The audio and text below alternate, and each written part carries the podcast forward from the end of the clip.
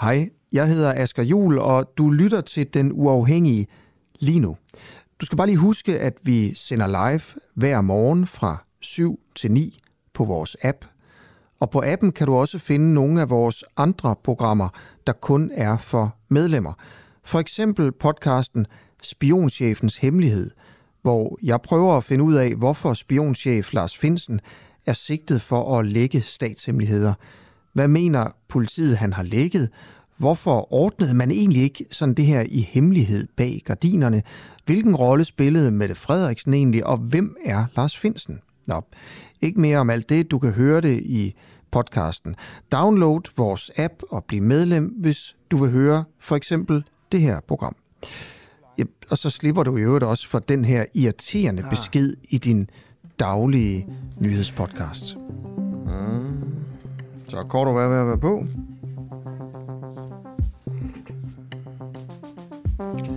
Ja, klokken er syv. Så er det tid til en uafhængig morgen. Det er mandag. Politisk kommentator Jarl Kortrup, godmorgen. Godmorgen. Vil du sige, at Inger Støjberg har en politik? Ah, ja, ah, der er måske en politisk linje, vil jeg sige. Men ja. politik, der er ikke meget på hylderne. Det er der altså. Nu er der jo øh, 10 procent af dem, der kan stemme, øh, ser det ud til, at har tænkt sig at stemme på Inger Støjbergs øh, parti, Danmarksdemokraterne. Det er jo enormt mange mennesker. Det er jo en øh, 400.000,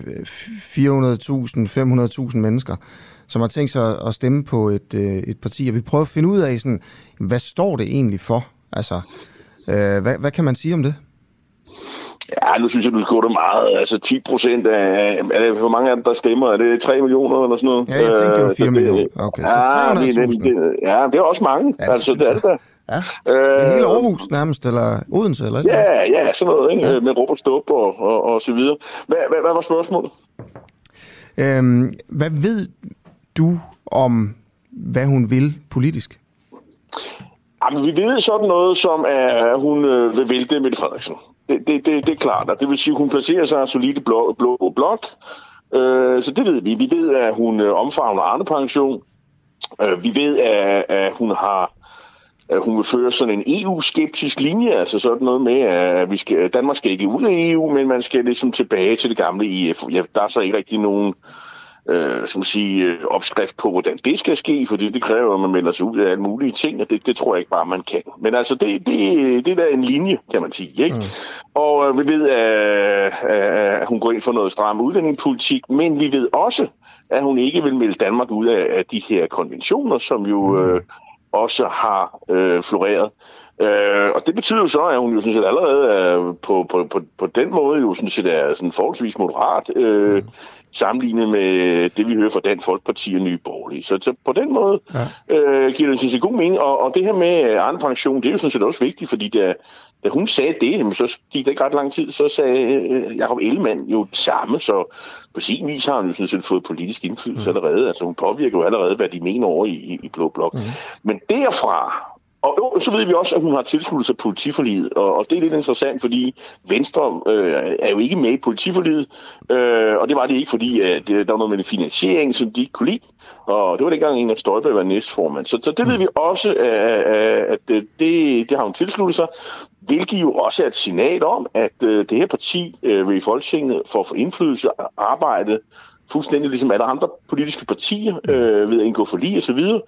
Øh, og det, det, det understreger også, at det er sådan et, øh, et parti, der sådan set øh, vil virke på sådan normale Christiansborg-agtige mm. vilkår, øh, søge indflydelse osv. Okay. Øhm, ja, altså, fordi man tænker jo, okay, Inger Støjberg, hun kommer fra, fra Venstre, men hun er jo blevet fuldstændig sådan øh, omfavnet af Nye Borgerlige og Dansk Folkeparti, og der er jo sådan en del fra Dansk Folkeparti, der har sagt, at de enten har meldt sig ind, eller, eller støtter i hvert fald Inger Støjberg. Mm-hmm. Øhm, får man mest DF eller Venstre, tror du?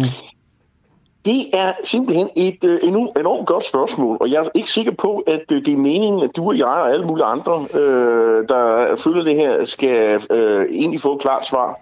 Fordi som jeg forstår øh, strategien her, så handler det simpelthen om, at øh, alle skal sidde med hver deres eget lille politiske partiprogram, kigge på Inger Støjberg, og så se på de blanke linjer, og så forestille sig, at hun er nok enig, mest enig med, med mig. ja. og, og, og, og så går de ned i stemmeboksen i den tro på, at, øh, at hun er nok enig med det, jeg mener. Selvom det måske, mm. man kan sidde med hver sin forskellige udgave af sit eget lille politiske partiprogram. Mm. Det er det, det, det, jeg tror er hele øh, ideen, øh, hvilket jo er meget klogt. Altså, man læser det ind i det, som man selv vil. Ja. Og, og Inger Støjberg slog ud med armen og siger, ah, alt det der partiprogram og sådan noget, det, der har vi ikke tid til, fordi der er jo snart valg, og, og, og alt det der bøvl med at opstille kandidater, hvor man jo ligesom kunne se, hvad mener de her mennesker. Ah, men det, det har vi heller ikke tid til. Jeg håndplukker bare et par stykker. Mm. Øh, så der kan man sige, at topstyring, det har vi ikke fået, øh, det, det, det, det, det, det har lige fået en nyk op af her i mm. forhold til det, vi har set øh, i, i andre politiske partier. Okay. Vi har prøvet at se på nogle af de punkter, hvor altså Venstre og Dansk Folkeparti er mest uenige. Mm. Øh, for at, at prøve at finde ud af, jamen, altså, hvad mener Inger Støjbergs nye parti så om det? Hvad får ja. de der 300.000 øh, danskere egentlig for, for pengene? Øh, ved vi noget om, om hun vil have vækst i, der, i den offentlige sektor? Uh, det, det, ja, det er faktisk et rigtig godt spørgsmål, fordi det fylder jo en del, når man ser på VRK jo. Mm. Altså, uh, det ved vi faktisk ikke. Ja. Uh, men det kan godt være, at jeg er ikke sådan fuldt helt med. Men, øh, men, men der igen, der vil de slå ud med armen og sige, ja jo, vi er et nyt parti, og vi skal mm. lige, og det, der er så meget. Ja, ja. Og, halløj, ikke? Jo, jo. Så er der det med, om flygtninge skal have lov til at blive i landet, hvis de er i arbejde. Ja. Så vidt vi kan forstå, at det er også en ting, der faktisk skiller sådan principielt øh, DF og, ja. og Venstre. Øh, ja, DF og Venstre. Øh, ja. Men er det Inger Støjberg, vi, vi interesserer os for, er det ikke? Jo, jo, men det er bare mere, altså hun kom, jo, det er det. Men, men, men ja, vi, vi blev faktisk en lille smule klogere, øh, øh, hvad kan man sige, det, det er måske sådan lige udkanten af, af det spørgsmål. Det er det her med om, øh, øh, Ja, det ved jeg ikke rigtigt, man kan sige, men, men Inger Støjberg fremstår jo sådan en, noget mere moderat i forhold til Dansk Folkeparti. Altså, de har jo sådan en øh, idé om, at hvis en bandekriminel begår et eller andet, så skal hele familien smides ud. Ikke? Mm. Og, og, og, det var det er Morten Messersmiths synspunkt. Det, der har faktisk også været Peter Skås synspunkt, at da han var DF'er, han var med til at fremstille forslaget. Det er sådan, mm det er sådan lidt med middel, middelalderlovgivning om, at øh, det, som nazisterne kaldte for Siebenhaft, det vil sige, at hvis øh, et, et familiemedlem begår en, en forbrydelse, så er det hele familien, der skal undgælde for det. Mm. Øhm, og, og der kunne vi så høre i, i det, her blå øh, program på, på, på, på hvad hedder det, Radio 4 i, i fredags, hvor hun diskuterede med, med, med, med Messerschmidt, at det, det gik hun altså ikke ind for. Altså hun mm. gik ikke ind for, at man ligesom skulle øh, retspraksis skulle være sådan, øh, sådan på, på middelalderlig niveau, som øh, ligesom er øh, Morten Messersmiths øh, idé. Mm. Så, så her kan man i hvert fald godt se forskel på, øh, på, på, på DF og, og hende. Men i forhold til Venstre, det, det, det, det ved jeg simpelthen ikke. Øh, hvad tænker du i forhold til sådan øh, de, de, de helt store linjer her, at vi har et nyt parti under Inger Støjberg, som, mm. lad os sige, så bare 300.000 danskere øh, har tænkt sig at stemme på, som ser ud nu. Øh, og vi ved ikke rigtig, hvad de vil. Altså, der er nogle, øh, nogle linjer, men, men altså, de har ikke fremlagt en rigtig politik endnu. At, hvad er de negative konsekvenser ved det, for, sådan, for landet, eller hvad man siger? Det ved jeg ikke, om der er så mange negative konsekvenser. Altså man kan sige, øh, det kunne også godt være positivt, fordi øh, mm. det giver jo en enormt stor manøvremulighed, fordi øh, også magt kan man sige, fordi det betyder jo, at hun jo først øh, behøver at formulere en politik den dag, der ligger et forslag i Folketinget. Altså, og det gør jo, da hun ligesom har signaleret, at det her parti vil søge indflydelse og og vil virke i, i, sådan, øh, i folkestyret, mm. og, ikke, og ikke være sådan et, et protestparti, der står ude på sidelinjen og, og skiller alle de andre ud. Jamen, så, så giver det... Så, jeg, der var jeg faktisk ikke afvise, at det ville være en god ting, fordi det ville jo sådan set få det hele til at glide. Jeg går ud fra, at hun vil deltage i alle forligene og sådan noget, så det, det, det synes jeg ikke entydigt, man kan sidde og sige, at det, det er skidt. Nej, nej. Sådan noget, fordi det giver hende enorme øh, handlemuligheder. Ja, det er godt for hende så, kan man sige. Ja, selvfølgelig. Ja, okay, Jarl Kortova, tak fordi du vil være med det var så det. Politisk kommentator, altså er kendt som en, øh, en ekspert, i, øh, især i, i Venstre, men selvfølgelig også i dansk politik i det hele taget. Så vil jeg bare sige godmorgen til jer, der lytter med. Klokken er 8 minutter over syv. Vi har, som du måske gætter, sådan lidt fokus på Inger Støjberg. Ikke bare i dag, men vi vil faktisk gerne have det øh, hele ugen, fordi vi har altså et nyt parti, Ingers parti, øh, Danmarksdemokraterne, som ikke rigtig har lagt frem, hvad de egentlig gerne vil. Så vi er i en situation, hvor ja, som jeg altså sagde, 300.000 mennesker i hvert fald, nok kommer til at stemme på det her parti, uden rigtig at vide, hvad det vil. Altså helt konkret med, øh, får vi Venstre, eller får vi Dansk Folkeparti? Der er øh, skidt af en, øh, en stor forskel, og derfor vil vi gerne gøre et nummer ud af øh, at, at forsvare her. Vi ser det som sådan en, øh, en, øh, en pligt for, for pressen at finde ud af de ting, som, øh, som egentlig er, hvad kan man sige, hemmelige, øh, som Inger Støjberg holder hemmelig, fordi selvfølgelig ved hun, hvad hun mener. Og derfor vil vi øh, forsøge at, øh, at forsvare på det her. Nu ringer jeg til Danmarksdemokraternes prestelefon, som ikke har taget telefonen i en hel uge, mens vi har ringet sidste uge. Vi skal selvfølgelig prøve at få et interview.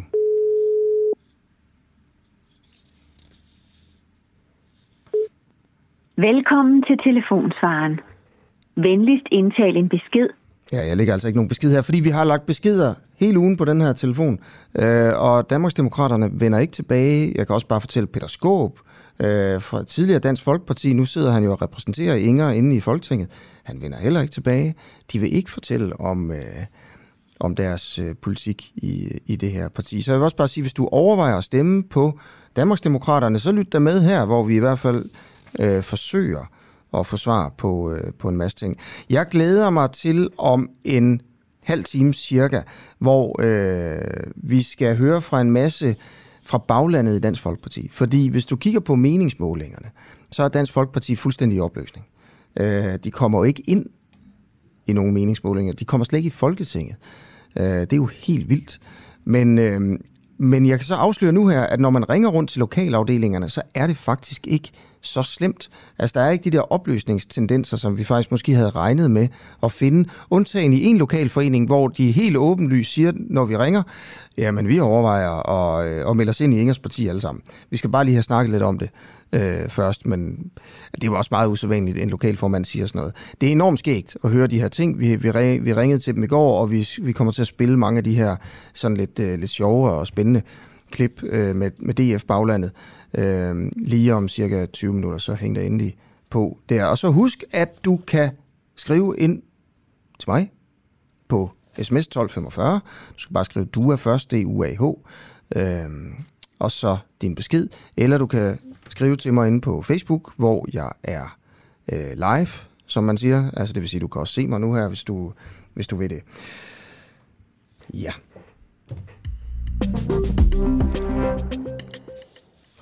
Godt, men øh, allerførst øh, til øh, den sag, som vi også har fulgt en lille smule. Det viser sig jo, at udenrigsminister, udenrigsministerens familie, især hans børn, har været gratis til MGP og fået buffet og det hele, fordi deres far var udenrigsminister. Det er jo ellers noget, der koster penge for almindelige mennesker. Det var i Herning, at øh, Danmarks Radio afholdt det her arrangement. Øh, ministeren selv, han meldte afbud, han kom ikke med, øh, men familien kom altså med. Øh, efter vi har fundet ud af det, øh, og har søgt agtindsigt i det, i det, så har han beklaget forløbet. Han har betalt pengene tilbage til Danmarks Radio. Men hvorfor egentlig det her? Altså, hvad er DR's argument for at øh, bruge dine og mine penge øh, på, og jeg ved godt, det er en lille historie, det er jo ikke mange penge, men det er også bare sådan, hvad er det for noget øh, sådan rygklapperi, der egentlig foregår, sådan, for eksempel mellem DR og regeringen? Øh, hvorfor inviterer de udenrigsministeren med til sådan et musikarrangement, og betaler for ham og hans familie. Hvorfor egentlig det? Hvad fanden er argumentet for de ting der? Øhm, min kollega Christoffer Lind har talt med Lasse Baskær Jensen, som er direktør for, altså det er også fuldstændig vildt titel, direktør for generaldirektørens stab i Danmarks Radio.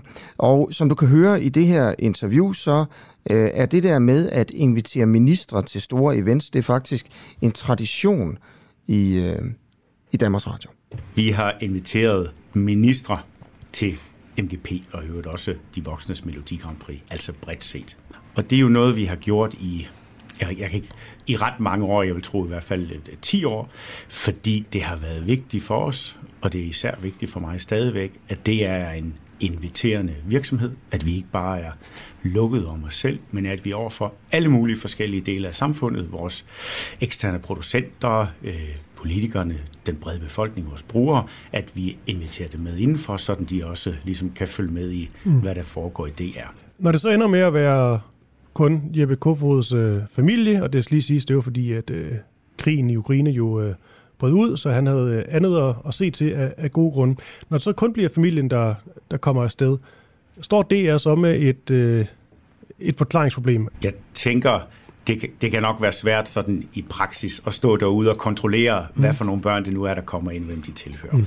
Men, men jeg synes, jeg kan sagtens forstå logikken i, at Jeppe Kofod har valgt at, at, at, at betale det tilbage. Mm. Men I har vel, I vel enige om, at I får, Danmarks Radio får ikke noget ud af, at man har en ministers børn uden ministeren med til sådan et arrangement? Nej, det synes, det synes jeg er helt rigtigt. Det, som vi får noget ud af, det er, at vi sørger for at øh, ikke lukke os om os selv, invitere nogle folk ind en gang imellem, når det kan være relevant ved de her sådan rigtig store begivenheder. Øh, det her er et eksempel på det, som har sådan en eller anden form for bred national interesse. Så har vi haft en tradition for at invitere ministerne bredt på tværs af øh, røde og blå øh, regeringer og, øh, og herover årene. Så skal jeg så forstå, fordi så får I jo Danmarks Radio ikke groft sagt noget, noget ud af det, men hvis Jeppe Kofod er med, så får Danmarks Radio vel et eller andet ud af det, ellers ville vi ikke invitere ham eller andre ministre med. Det er det, jeg lige prøver at forstå, hvad så er. Altså, hvad er det, Danmarks Radio får ud af det her? Vi, øh, vi går en hel del op i at, øh, at, at åbne DR. Øh, når man er til for alle danskers øh, penge, så skal man være meget opmærksom på, at man ikke bliver sådan en lukket organisation, der kun er interesseret i sig selv. Og derfor sørger vi for at åbne DR på mange, mange forskellige måder overfor den brede befolkning i tusindvis til Kulturnat og Åbent Hus øh, hos DR i Aarhus, og over for producenter til øh, producenternes dag, hvor vi fortæller om, hvor vi skal hen. Og så gør vi det også over for øh, minister, over for ordfører, fordi vi synes, det er rigtig fint, at de også ligesom får indsigt i og følger lidt med i, hvad det er, det er øh, render og laver. Så det, det, det er derfor, vi gør det, og det er det, jeg tænker, vi får ud af det. Men hvad er det, den sådan brede befolkning, som Danmarks Radio øh, appellerer til, for ud af, at øh, Jeppe Kofod og familien kan sidde og se øh, MGP gratis? Jeg ved ikke, om de får noget specifikt ud af, at Jeppe Kofod og hans familie, eller andre ministre og hans familie, deres familier specifikt kan sidde og se MGP gratis. Men jeg tror, at de får noget ud af, at vi er opmærksomme på, at DR skal være en inviterende organisation, som ikke øh, lukker sig om sig selv. Det er noget af det, som jeg er gået rigtig meget op i i den tid, jeg har været i DR. Har jeg gjort ret meget for at åbne DR op. Du er selv i mediebranchen. Jeg tror godt, du kender sådan den der, øh, nu skal jeg til at sige klichéen, men den der opfattelse af, at det er sådan et ret lukket, arrogant, navlebeskuende sted. Og det betyder meget for mig, at vi ikke er det. Og det tror jeg alle, både DR og danskerne, får noget ud af, at vi interesserer, sig for, eller interesserer os for vores, vores omverden, og der er muligheder for at følge med i, hvad vi laver. Det er ligesom det, der er sådan den, den strategiske, gedulte tanke fra mm. min side. Mm. Du taler meget om det her med, at øh, Danmarks Radio ikke skal være en, en lukket organisation. Ja. Men hvad er det alligevel, man får ud af at invitere de her ministre? Er det fordi, der er en og det er vel fair nok. Er det fordi, der er en rød løber, og de kan få taget nogle billeder til, øh, til de tabloide blade? Et eller andet. Altså er det for at vise, at øh, nu holder vi hof, og så kommer også øh, nogle, øh, nogle kendiser eller nogen i vigtige poster? Det, det, er nok, det kan måske være, det kan være deres drivkraft for at, mm. at, at deltage i det. Det ved jeg ikke. Altså for, for os, der handler det jo om en, en del af en samlet betragtning om, at vi skal være åbne og, og inviterende det, det er det, jeg synes, vi får noget ud af. Jeg tror, det er vigtigt, at de ordfører, der sidder med, med medieområdet, de har et indtryk af, at det er en virksomhed, der gerne vil i dialog, gerne åbne op, gerne fortælle om ting og sager, og viser stolt det frem, vi laver. Det er det, det, er det jeg får ud af det, eller mm. vi får ud af det, sådan som jeg ser det. Hvorfor er det vigtigere, at politikerne kan... Det er jo ikke, fordi de mangler penge, kan man sige. Hvorfor er det, det vigtigere, at politikerne kan komme til de her arrangementer, end til den helt almindelige danske borger? Øhm, den helt almindelige danske borger kan heldigvis også komme til, øh, til de her arrangementer. Men de skal jo betale for det? Jamen, det er rigtigt. De skal, de skal betale en billet. Øhm, det er en del af en, en samlet tilgang om, at vi nogle gange inviterer ind, nogle gange på den ene måde, og nogle gange på den anden måde. Og her har vi så valgt at, at invitere politikere øh, eller ministerne bredt. Man kunne jo også få den tanke, at øh, det er jo også en måde at ligesom holde sig gode øh, venner med politikerne på. Ja, det er rigtigt. Altså jeg, jeg tænker, når man sådan har fulgt øh, mediedebatten over årene, så kan man i hvert fald sige, at det måske ikke er sådan en, en, en, en vild succesfuld strategi, for jeg synes jo egentlig, der har været fint med kritik af Danmarks Radio, og i samme periode, som vi har inviteret til øh, MGP, så er der jo også sket for eksempel besparelser. Mm. Jeg, jeg kan godt forstå det principielle i den overvejelse, og det, selvfølgelig skal man tage sådan noget alvorligt, når man er en offentlig institution. Jeg, jeg har relativt stor tiltro til, at politikerne har den holdning til DR, som de nu har, uanset om de har været inviteret til, til de voksnes eller til børnenes øh, Melodi Grand Prix. Ifølge professor i forvaltningsret Sten Bønting med, så er det i strid med reglerne, hvis ikke ministerens område er relevant i forhold til, øh, til arrangementet. Den kritik, ja. hvordan forholder du dig til den? Jamen, jeg havde faktisk... Jeg skal måske lige starte med at sige, nu har jeg jo læst humaniora ude på RUK, mm. så, så, øh, så forvaltningsret, det har jeg ikke helt så meget forstand på som Sten Bønsing. Og derfor så tog jeg faktisk... Jeg ringede faktisk til ham i morges, han en rigtig fin snak med ham. Okay. Øh, fordi jeg er sådan set ikke interesseret i andet, end at vi opfører os rigtig pænt og ordentligt. Mm. Øhm, og jeg, jeg, jeg tror, at noget af det, Sten Bønsing, han øh, fokuserer på, øh, nu har jeg jo ikke hørt, hvad jeg har talt med ham om, det er selve det der med, hvorvidt det er øh, udenrigsministerens børn, der deltager øh, i det her arrangement. Mm. Øh, jeg, jeg, vil, jeg har aftalt med ham, at vi lige, at vi lige holder kontakten, og, øh, og, og også, øh, at jeg får lidt materiale, for jeg synes, det er, det er selvfølgelig væsentligt, at vi, at vi lever op til, til, de, øh, til det, vi skal. Øhm, og hvis det er sådan, der er noget, vi skal undersøge i forhold til, hvordan vi inviterer, så, så er jeg helt med på den. Det må vi kigge på. Jeg det vi skal have afklaret, det er jo nok det der med sådan en, når vi har at gøre med en bred national begivenhed, det kunne for eksempel være sådan et Melodi Grand Prix, jamen er vi så ude i en bredde, hvor man kan sige, at det at være minister, det er sådan set, det er sådan set fint relevant, fordi vi er et samfund, eller er det kun en kulturminister eller kulturordfører, og det synes jeg bare, vi skal have kigget på. Jeg har heldigvis, nu sagde jeg jo for RUK, jeg har heldigvis nogle kolleger fra, fra Jura, som, som er vældig dygtige til det, og det, det kigger vi selvfølgelig på. Synes du en, der er forskel på at invitere en, øh, en, øh, en kendis, lad os bare sige, det ved jeg ikke, Kasper Christensen, eller invitere en, øh, en politiker? Jamen, det... Nu skal jeg lige tænke færdig. Øhm, altså tit kan man sige, det at invitere kendiser for eksempel, jeg har jo selv, øh, jeg har selv deltaget i Danmarks indsamlingen. Der, dem inviterer man jo enten fordi de har en rolle i selve produktionen, som skal være med til at sikre hype, eller de med deres tilstedeværelse omkring det som gæster, kan være med til at sikre noget eksponering. Mm.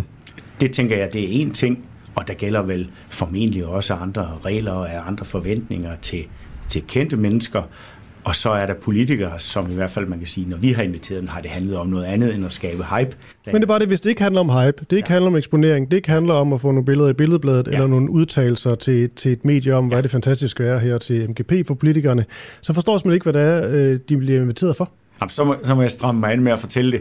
Altså, for mig handler det her om, at vi skal invitere indenfor. Og for politikerne, der kan man sige, at vi har selvfølgelig løbende dialog øh, ved alle mulige anledninger, men det her, når vi har nogle af de her store produktioner, der sådan er øh, brede og når hele Danmark og et eller andet sted er sådan nationalt relevante, så har vi også tænkt, at det var en udmærket anledning til at, at invitere dem med. Er det noget, vi ændrer på fremadrettet? Jamen, vi kigger på det. Det, som er svært for mig også, fordi nu har jeg kun talt kort med Sten Bønsing i morges for eksempel, det er, jeg vil ikke prøve at sidde og foregive at være ekspert i forvaltningsret. Vi, vi skal opføre os ordentligt, vi skal gøre det ordentligt. Hvis det er sådan, at det faktisk ikke er ok, og vi inviterer så bredt til sådan en national begivenhed, som jeg har kaldt det nogle gange, så skal vi selvfølgelig ikke invitere så bredt til en national begivenhed. Sådan er det. Mm. Og det skal jeg jo snakke med nogle folk, der har bedre forstand end sådan en stakkels øh, humanist ud for RUK. Direktør for generaldirektørens øh, stab og øh, stakkels humanist fra RUK. for Danmarks Radio nu selvfølgelig, Lasse Baske Jensen. Tak for det. Ja, tak for, øh, tak for det her. Og øh, klokken er 23 minutter over syv. Tak til alle jer, der har skrevet ind til mig øh, her til morgen. Det er bare altid dejligt. Der er mange, der skriver godmorgen. Øh, Jane og Jakob for eksempel, øh, tak for det. Øh, vi sætter fokus på, på Inger Støjberg. Jeg vil også bare lige spørge jer, er der nogen af jer, der kunne tænke sig at stemme på Inger Støjberg? Og hvad tror I egentlig, I får, hvis I gør det? Øh, I kan skrive ind, altså I kan prøve at, at, at tage det her op inde på, på Facebook, hvor vi sender live, eller altså også bare skrive en, en sms til mig på 1245. Øh, Jørgen skriver, det er fantastisk, at sådan en kvinde til syneladende kan få sådan en succes. I mine øjne er hun og vil altid være kriminel. 25 ud af 26 dommer dømte hende til overtrædelse af grundloven, grundloven. Og Kai Werner skriver, at alle politikere arbejder for magteliten. Det gælder Trump, og det gælder Støjberg. Øhm, det ironiske er, at Inger ikke trækker vælgere fra Nye Borgerlige og Dansk Folkeparti, men mest fra Socialdemokratiet. Det ved jeg altså ikke, om jeg er enig med dig i, Kai. Fordi Dansk Folkeparti bløder fuldstændig. Øhm, og står til ikke at komme ind. Og det er jo ikke mere end to gange siden, hvad, at de fik øh, sådan 18-19 procent. Øh, okay, øh, Jane skriver her, at hun synes, det er godt, vi tager op, hvad Støjbergs parti står for. Det er rart at vide, hvad hun står for. Øh, det kunne man også gøre med Veganerpartiet og øh, Frie Grønne og så videre. Øh, Claudia øh, skriver, at hun ikke stemmer på Støjbergs nye parti, men øh, jeg, jeg har stadigvæk stor sympati med hende, og håber, hun får en enorm jordskredssejr ved det kommende valg. Gør du også det 1245 sms, eller så skriv ind til mig på Facebook. Så vil jeg bare lige nævne en historie, vi tager op øh, lige lidt senere her, øh, som handler om, hvad kan man sige, om de såkaldte tolerante er så skide tolerante alligevel. Og det handler igen, når man taler om sådan noget der, om Christiania. Øh, staten vil opføre 15.000 kvadratmeter almene boliger på Christiania, som jo er det her område i København, der, der jo egentlig oprindeligt blev, blev besat, hvor øh, sådan øh, hippier øh, bosat sig, og man har fuldstændig frit hassalg, øh, og det har ligesom været en, en, en form for en by i byen i København, eller en stat i staten. Øh, og lige så stille, så, er det sådan, så, så kommer der nogle regler og sådan noget, men der gælder stadigvæk ikke det samme for, øh, for Christiania, som, som i andre steder i, øh, i samfundet. Man kan jo for eksempel ikke engang, det har Københavns Kommune forsøgt at prøve mange gange, at bygge en cykelsti igennem Christiania. Det kan simpelthen ikke lykkes. Øh, der har jo været overfald på dem, øh, der, der prøver at gøre det og sådan noget, fordi christianitterne, de går selvfølgelig ikke ind for biler, de går ind for cykler, men ikke lige igennem Christiania. Øh, i sidste uge, der sagde, øh, der skal altså bygges almene boliger på Christiania, det vil sige altså boliger, hvor det er billige lejeboliger. Øh, noget, som man er glad for, hvis man er på venstrefløjen. I sidste uge, der sagde øh, Christiania så, at man har godkendt det her, altså halvdelen af alle de her boliger, på betingelse af, at christianitterne selv får lov til at bestemme, hvem der skal bo der. Og det, det er det, man skal lægge mærke til her. Hvem skal bo der? Altså, hvordan skal, i alverden, hvem vil de gerne have ind? Og endnu mere interessant, hvem vil de ikke have ind? Kan man tolerere alle mennesker på Christiania, eller, eller kan man ikke? Det her det får mig til at tænke på dengang et tv-program øh, forsøgte at bygge en, et hus ude på fristaden, øh, bare tog noget tømmer, og så prøvede at slå noget op, og blev smidt væk og truet med, øh, at hvis de ikke smuttede, så, så fik de bank og sådan noget. Øh, et eksempel på, at, at igen øh, Øh, er den her såkaldte fristad egentlig så, så fri. Nå, men der kommer et interview, og du kan måske også, hvis du lytter med nu her, høre, sådan, hvilket snit jeg gerne vil lægge på det. Du kan jo selvfølgelig også øh, blande dig i det og, og skrive til mig, hvis det er helt åndssvagt, den måde, jeg ser det på, for det er det. Det kan jo selvfølgelig godt være. Eller den måde, jeg ligesom angriber historien på. Klokken er tre minutter i halv otte. Det her, det er den, øh, den uafhængige. Tak til alle jer, der betaler for det her ved at give 59 kroner om måneden. Øh, vi kunne selvfølgelig ikke sende uden penge, øh, så tusind tak for det. Øh, I er jo med til at støtte et øh, medie, der overhovedet ikke får mediestøtte og altså ikke kan lukkes af øh, politikerne. Hvis du sidder og lytter med nu her og ikke betaler, så er det også helt fint, så tak for det også. Øh, okay, her kommer noget kritik i forhold til, øh, i forhold til, til en ny lov, der er på vej. Agtindsigt øh, bliver nemmere nu øh, at, øh, Øh, at give afslag på, fordi der er kommet en, øh, en ny lov, det sætter vi fokus på. Der kommer et interview med de radikale lige om, øh, om to sekunder.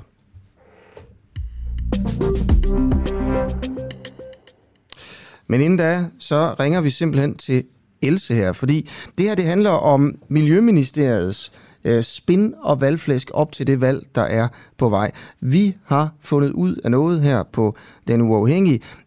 Vi har fundet ud af, at Miljøminister Lea Wermelin øh, sådan pynter sig med grønne fjer, kunne man sige. Hun bryster sig af at have lavet en stor øh, miljø-klima-aftale med tekstil, mode og tekstilbranchen, men når man kigger ned i det, og det har vi gjort, så finder man ud af, at øh, det muligvis er, kunne være fuldstændig ligegyldigt det hele. Øh, men det er jo ikke noget, de, de fortæller noget om. Miljøministeriet har lavet en aftale med øh, tekstilbranchen. Det er jo blandt andet Danmarks rigeste mand, Holk Poulsen, som ejer bestseller. Øh, men vi kan nu fortælle, at Holk Poulsen og de andre modemilliardærer, de skal ikke betale en krone, hvis de bryder den her aftale, som de har lavet med regeringen. Det er en aftale, hvis hovedpunkt lyder, at inden 2030 består alt tøj og tekstil fra danske virksomheder af mindst 40% genanvendt materiale, herunder mindst, herunder mindst 10% genanvendt direkte fra tekstilfibre. Det lyder jo fint, og det har de skrevet under på alle sammen. Øhm, og Miljøminister Lea Wermelin skrev sidste uge på Twitter, i morgen starter modeugen. Vi skal vise, hvordan man kan producere tøj, der passer godt på kroppen og på kloden. Hjerte-emoji. Hvorefter hun fortsætter med at takke parterne for både at forpligte sig og ture gå foran. Men er det så svært at forpligte sig at gå foran, når der ikke er nogen konsekvenser, hvis man bryder det?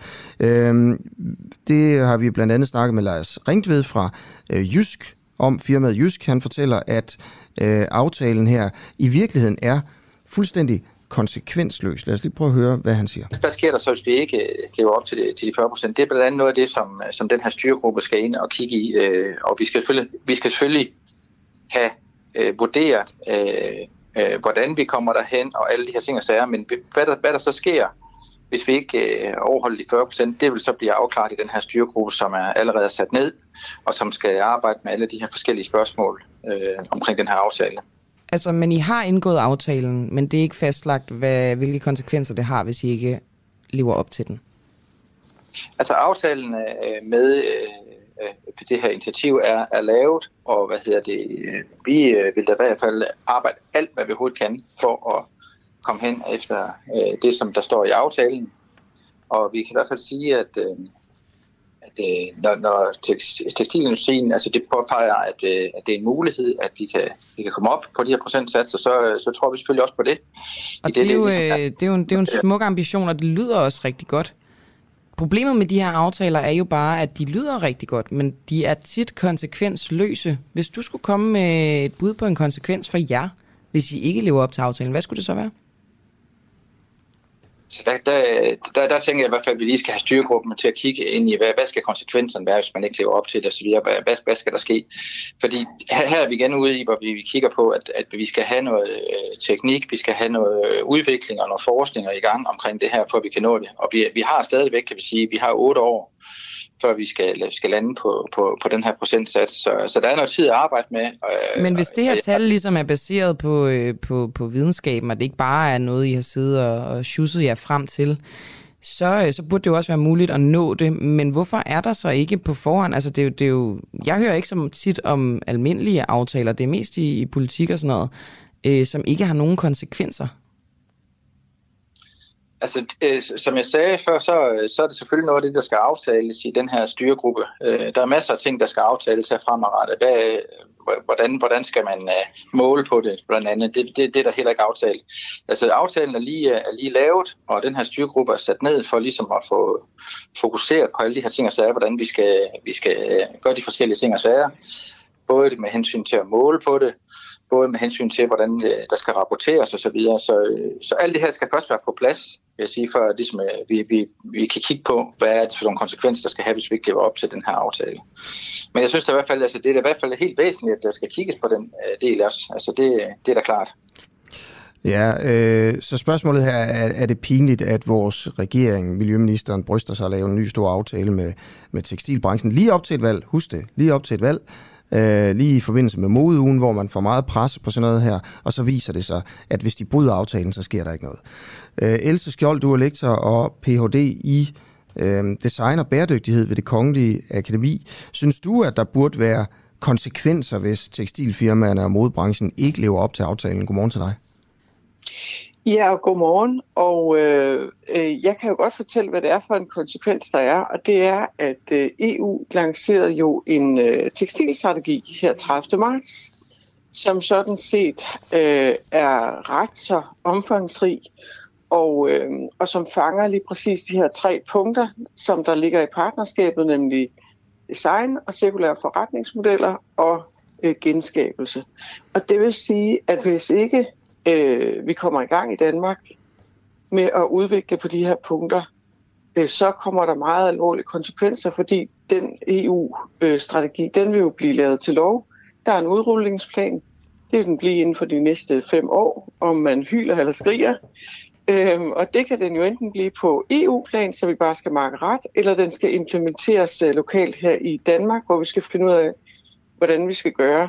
Så jeg må sige, at altså, en hvilken som helst minister med nogen som helst øh, fornuft i sin øh, modkasket øh, bliver simpelthen nødt til at komme i gang på det her område. Altså vi har ikke haft noget regulering og øh, lovgivning overhovedet inden for tekstilfeltet, så ligegyldigt hvad der sker efter det her valg, så bliver øh, man nødt til at øh, gå ind i det. Og når der så ikke er øh, nogen konsekvenser, så tror jeg simpelthen, det er udslag af, at øh, man har en sektor, der overhovedet ikke er vant til øh, sådan nogle tiltag her. Altså, øh, sektoren har ligget under radar.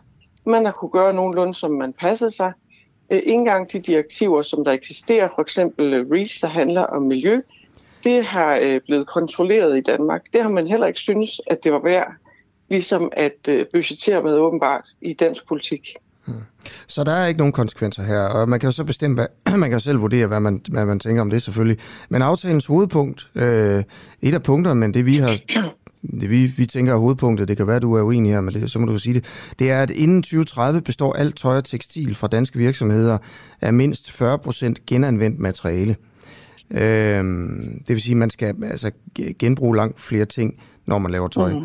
Øh, ser du andre, ud over det her med konsekvens, problemer med den her aftale? Jamen altså, jeg er jo forsker, så jeg mener jo, at det her øh, genskabelse eller recycling, øh, hvor man laver noget øh, nyt tøj, der måske aldrig har været brugt om til øh, tekstiler, at det er sådan noget hockeystavsløsning. Øh, selvfølgelig skal vi have nogle teknologier til det, men det primære det er de to andre punkter, nemlig øh, design og cirkulære forretningsmodeller. Det er det, vi skal have gang i. Øh, så jeg mener slet ikke, at man skal have så høj målsætning, og det mener forskersamfundet jo heller ikke. Så derfor så er jeg også ret tryg ved, at der jo lige om lidt bliver lanceret et partnerskab for forskning inden for området, mm. som ligger i regi af Innovationsfonden, som jeg selv har været involveret i øh, fordi at øh, der er jo heller ikke særlig meget forskning på det her område, så når I, I taler øh, med ham fra Jysk om videnskabelig øh, altså, øh, belæg for de her ting, så er der simpelthen så meget mangel på data, så det overhovedet at sætte sig nogle mål i sig selv vil være øh, en lille smule uambitiøst, fordi man kommer til at lave de mål om alligevel. Øhm, og med det sagt, så, så har der jo været rigtig, rigtig meget snak og snak og snak i modebranchen om den her grønne omstilling. Og jeg tror simpelthen, at det er så godt, at der nu er noget lov, lovgivning på vej, og det er der, det skal batte. Mm. Øhm, okay. Men jeg er, det enig, jeg er det enig, at man stiller sig op, og så siger man nogle målsætninger, som jeg som forsker vil sige, ja, det er måske fornuftigt med dit eller dat, men det er i virkeligheden det, vi skal sætte os ned og finde ud af, hvad er egentlig for nogle fornuftige mål. Ja. Øh, jamen det kunne da være rigtig godt, hvis der er en eller anden konsekvens, så det ikke igen er sådan noget greenwashing-snak, hvor at man øh, holder skåltaler, men der sker ikke rigtig noget. Det er det, men det er jo øh, det, de gør op til et valg, jo. Men du skal have tak, fordi du vil være med, Else Skjold. Ja. Øh, og tak, fordi du er med til at sætte fokus på det her. Og så bliver de ramt af lovgivning alligevel, vil jeg sige. ja, de bliver ramt af noget EU-ting, øh, og så kan man så yeah. selvfølgelig også stille sig selv spørgsmålet, hvorfor fanden skal hun så bryste sig, at hun har lavet aftale med dem, ikke? Men, men øh, tak for at være med til at afsløre øh, noget, der også er spin. Altså, det er en måde at spinde en historie på fra, fra regeringen her. Lektor Eller rettidig omhu. Eller rettidig omhu. Jamen, der det kan man jo diskutere. Ja, men der er ikke nogen konsekvens ved det der, den fine aftale jo. Nej, men Nej. det er en politisk satsning på et område, der ikke har været nogen som helst satsning på i over 20 år. Trods alt. Det må I give. Det giver vi til dem. Og så tak godt. for, at du vil være med, lektor Ph.D. i Design og Bæredygtighed ved det Kongelige Akademi.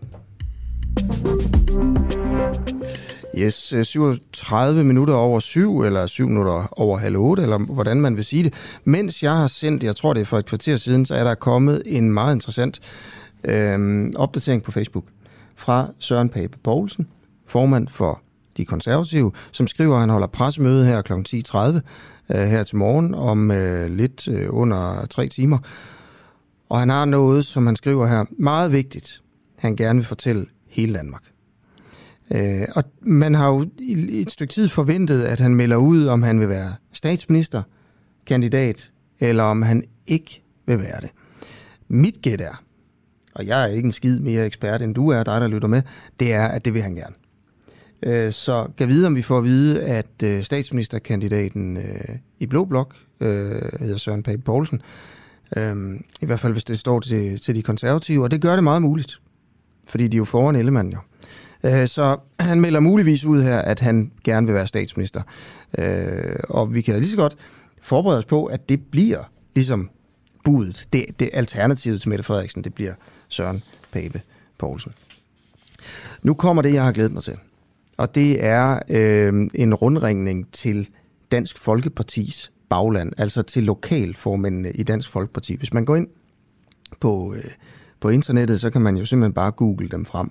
Og, øh, og det har vi gjort for at undersøge, om opbruddet og opløsningstendenserne og det kaos, man ser i Dansk Folkeparti, i hvert fald når man kigger på i Folketinget og i landspolitik, øh, er, det lige så, er der lige så meget opbrud øh, i baglandet, altså i lokalforeningerne og hos lokalformændene, når man ringer rundt. Og jeg kan bare starte med at sige, at det her bånd, det var cirka 10 minutter, og du kan godt glæde dig til det. Det viser faktisk også, at der er overraskende mange, i, i forhold til os i hvert fald, hvad vi tænkte, øh, mange lokalformænd, der bakker op om øh, Dansk Folkeparti. og ikke kunne drømme om at melde sig ud, siger de i hvert fald.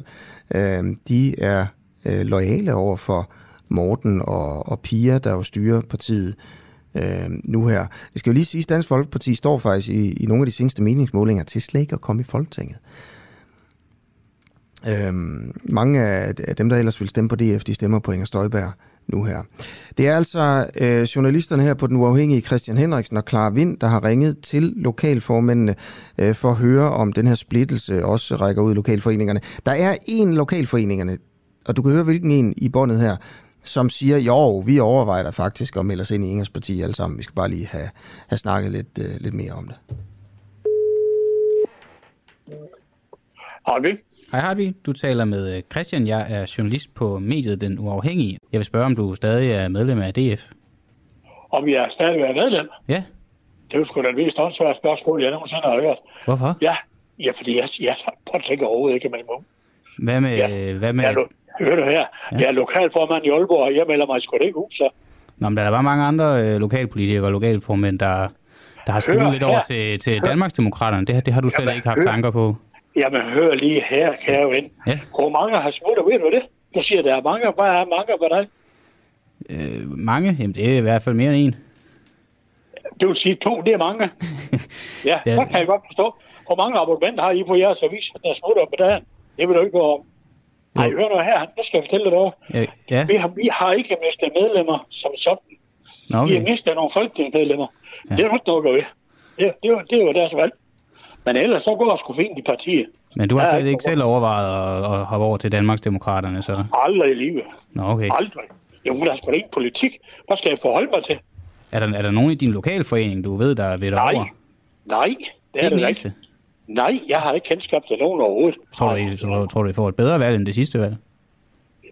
Jamen, det, på, det, det kunne an på, hvordan du regner med, fordi sidste gang vi blev 16 der det, det får vi nok ikke. Nej. Fordi der er mange, der er smutte.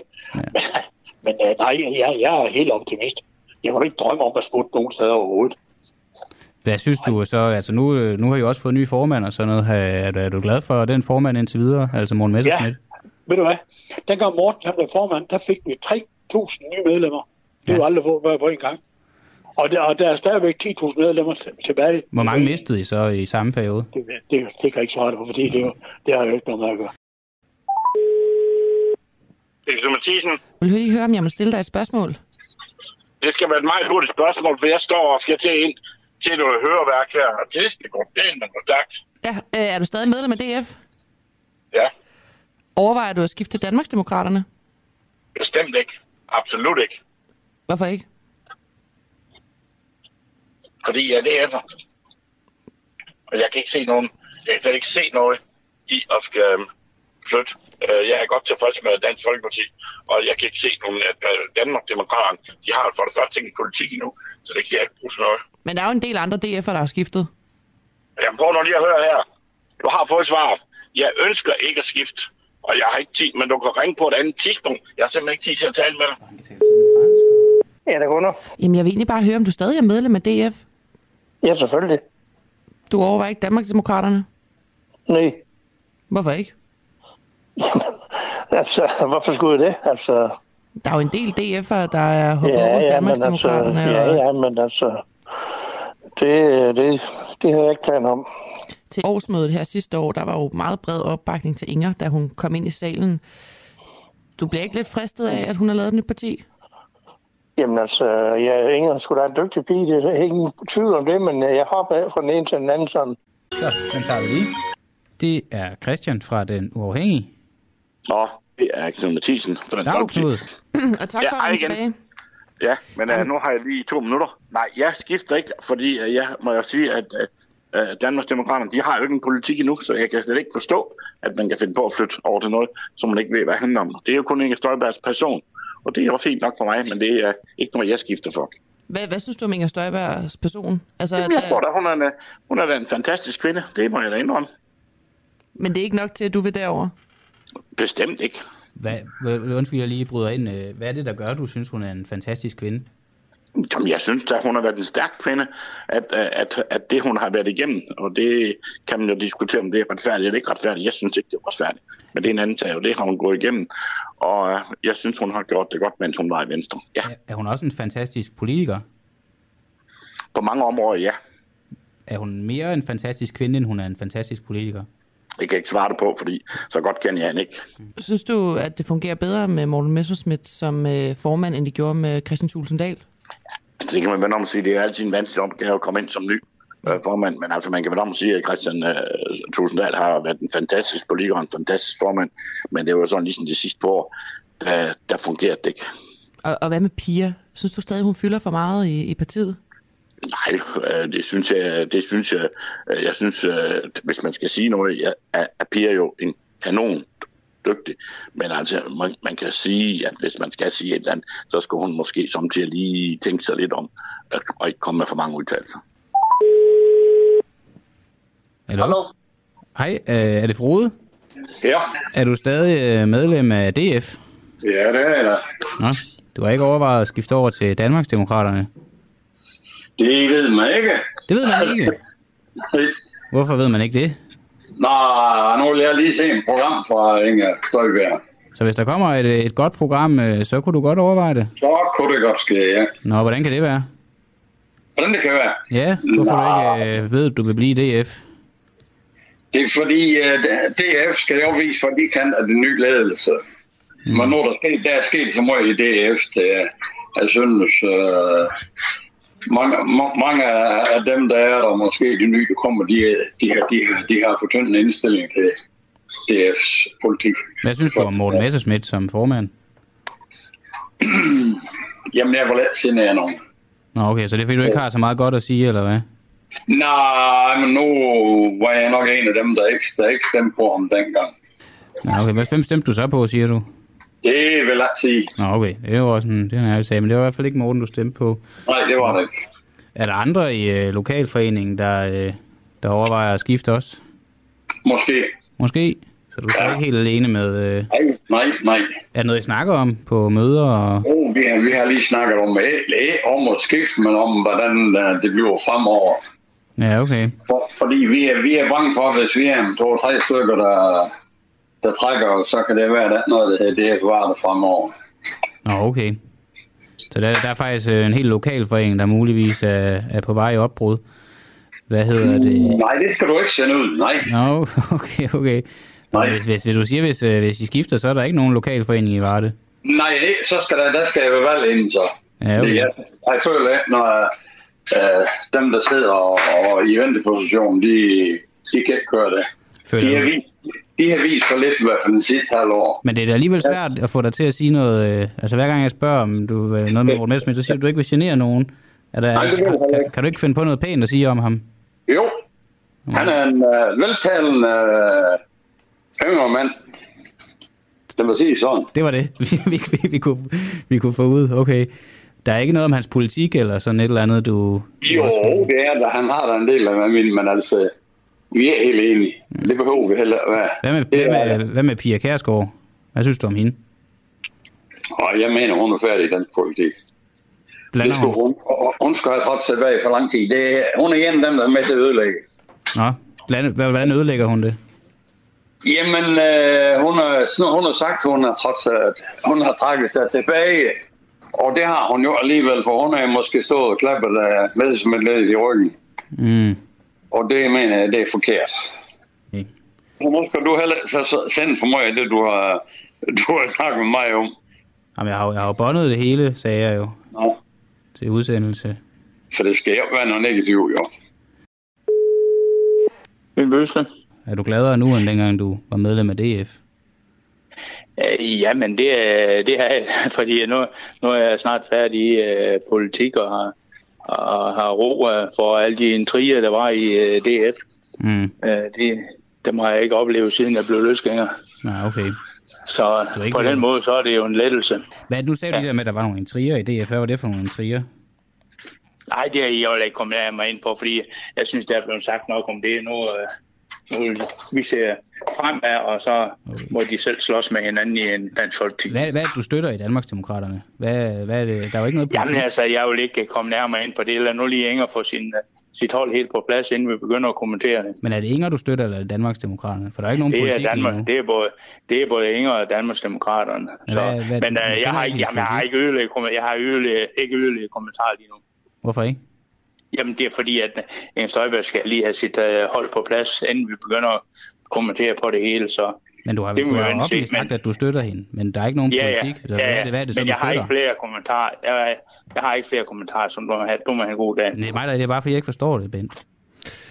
Ja, og det var altså øh, det her tak til, til sidst her, Bent Bøsted, som jo er i Folketinget, øh, valgt ind for Dansk Folkeparti nu, løsgænger. Han har sagt, at han, han støtter op om Inger Støjbergs nye parti, men han øh, stiller ikke op til valg for, for Inger Støjberg. Også tak til de andre lokalformænd, som, øh, som udtalte sig i, øh, i de her forskellige interviews. Og ham, der øh, overvejede at melde sig ud, det var altså Frode Flyvbjerg Christensen fra øh, Vardes Lokalforening, altså Dansk Folkepartis Lokalforening i Varde. Dansk Folkeparti øh, i den seneste meningsmåling står til 2,8 procent af stemmerne, det vil sige, at man kommer lige ind. Øh, Hans, øh, Hans Christian Skiby, øh, også valgt til Folketinget for Dansk Folkeparti, sagde til Jyllandsposten, at han stiller sig til rådighed for Danmarksdemokraterne. Skiby forlod Dansk Folkeparti i februar. Øhm, Marie Krav har tidligere meddelt, at hun ikke ønsker at genopstille til Folketinget ved næste valg. Hun er jo også valgt for Dansk Folkeparti, men hun kan skifte mening og ønske, ønsker at blive en del af, af Danmarksdemokraterne. Det siger hun, det, det kan ske. Hvis partiet er villig til at føre en anden udenrigspolitik i forhold til krigen i Ukraine, sagde hun til Ritzau. Øhm, tidligere nøglemedarbejder i Dansk Folkeparti, Sten Thomsen, skal, øh, er også skiftet og skal være konsulent hos Danmarksdemokraterne, og Dansk Folkepartis profil, Peter Skåb, repræsenterer nu Danmarksdemokraterne i Folketinget. Kunne du finde på at stemme på Ingers nye parti? Skriv ind til mig 1245 øh, på sms. Bare skriv DUA først, D-U-A-H, og så din besked. Du kan bare skrive ja eller nej. Øhm, du kan også skrive ind på Facebook, hvor vi sender live. René Bigum skriver, jeg kunne aldrig drømme om at stemme på hende. En ting er at være dømt kriminel, noget andet er, at hun på ingen måde angrer og ville øh, bryde loven øh, igen. Folk med den tilgang til loven skal ikke have lov til at udforme den. Folk snakker om at dræne sumpen, men den manglende respekt for loven, nepotisme og magtfuldkommenhed, som projekt Støjbær er omgivet af, må da være øh, det, som dansk politik skal drænes for. Godt. Kunne du tænke dig at stemme på Inger Støjbær, når hun ikke engang har lagt sin politik frem endnu? Lige om lidt snakker jeg med Christiania om, øh, hvilke krav de har for at sige ja til, at man får lov til at bygge almene boliger på Christiania. Almene boliger, øh, som er billige lejeboliger til, øh, til folk, der har øh, færrest penge her i samfundet. Det er ikke noget, man lige siger ja til på, på Christiania. Man har nogle krav, der, der følger med. For eksempel har christianitterne sagt, at de skal have lov til at bestemme, hvem der skal flytte ind i de her lejligheder. Hvem kan man tolerere, hvem kan man ikke tolerere? Et interview med Christiania øh, lige om lidt. Men inden da, en historie om, øh, og nu skal du ikke slukke for radioen, om øh, øh kommunale puljer. Det her det er faktisk ret vigtigt. Øh, Det handler om en kommune, vi har fundet, der, der søger støtte fra en pulje, som i virkeligheden, altså pengene i den her pulje, burde gå til landets vanskeligst stillede kommuner. Øh, men Dragør har sammen med 49 andre kommuner søgt om tilskud i den her særpulje, som er beregnet, og det står der, til at gå til særligt vanskeligt stillede kommuner. Øh, det er på trods af, at Dragør Kommune faktisk er en af de rigeste kommuner i øh, landet ifølge øh, øh, øh, nogle, nogle beregninger, så er Dragør Kommune øh, Danmarks syvende bedst stillede kommune. Kenneth øh, Gøtrup, du er borgmester for de konservative i kommunen. Godmorgen. Godmorgen. Godmorgen. Øh, er det rigtigt, at I søger om penge fra en pulje, der er beregnet til særligt vanskeligt stillede kommuner? Det gør vi, og jeg hæftede mig ved at sige, at jeg havde fundet en kommune, men der er jo i alt øh, 50 kommuner, der har søgt den her pulje her, så ja, vi har søgt sammen med 49 andre. Og kan det også passe, I er Danmarks syvende bedst stillede kommune? Øh, det kommer an på, hvordan man gør det op jo. Det er jo rigtigt, det er vi på papiret, og vi har et højt skattegrundlag i Dragør, men øh, vi er også en kommune, som er trængt på økonomien på baggrund af en række, række parametre. Det er dem, vi har søgt puljen for. Jeg kan sige, at vi betaler en meget høj grad af udligning til andre kommuner. Vi er næsten tilbage på det niveau, som man var på, før man lavede en revision af udligningsreformen så har vi en øh, meget stor stigning af ældre. Vi har en, en, en stigning på 25 procent over de næste fem år, plus 80 år i Dragør. Mm. Øh, vi er også en kommune, som ikke har nogen udviklingsmuligheder, fordi at de ledige grunde, vi har, de er overvejende begrænset af øh, regulativerne omkring Københavns Lufthavn, så vi kan ikke bygge os eller udvikle os ud af, af en økonomisk øh, krise. Øh, og så har vi også en kystsikring, som vi skal lave, som øh, vi har 13 km kyst. Vandet de flytter sig jo ikke efter kommunegrænsen, ja. så det her det er noget, der er pålagt kommunerne, og der har vi også en udgift. Og så har vi helt ligesom alle andre kommuner udfordret på det specialiserede socialområde med en meget, meget høj udgiftsstigning. Ja. Men, altså, men alle kommuner har jo udfordringer, problemer, øh, kunne godt bruge. Altså, der, der findes jo ikke en øh, kommune i kongeriget, der ikke gerne vil have flere penge. Øh, vi har, det er bare pointen her, I er en af de rigeste. Din kommune er en af de rigeste på papiret, som du selv siger. Altså, det må man jo næsten stole på. Øh, og, så, og så vil I gerne have penge, øh, have, have ligesom fingrene ned i en kagedås, hvor der ligger nogle penge, der egentlig skulle gå til de kommuner, der har mindst.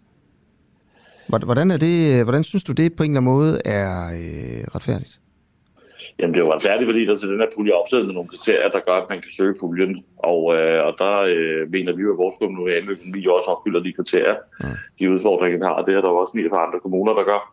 Øh, vi, har, øh, vi har som andre kommuner jo lavet budgettilpasninger. I, I alle de år, jeg har været med, har vi lavet besparelser. Øh, det kommer vi også til næste år at skære på velfærden.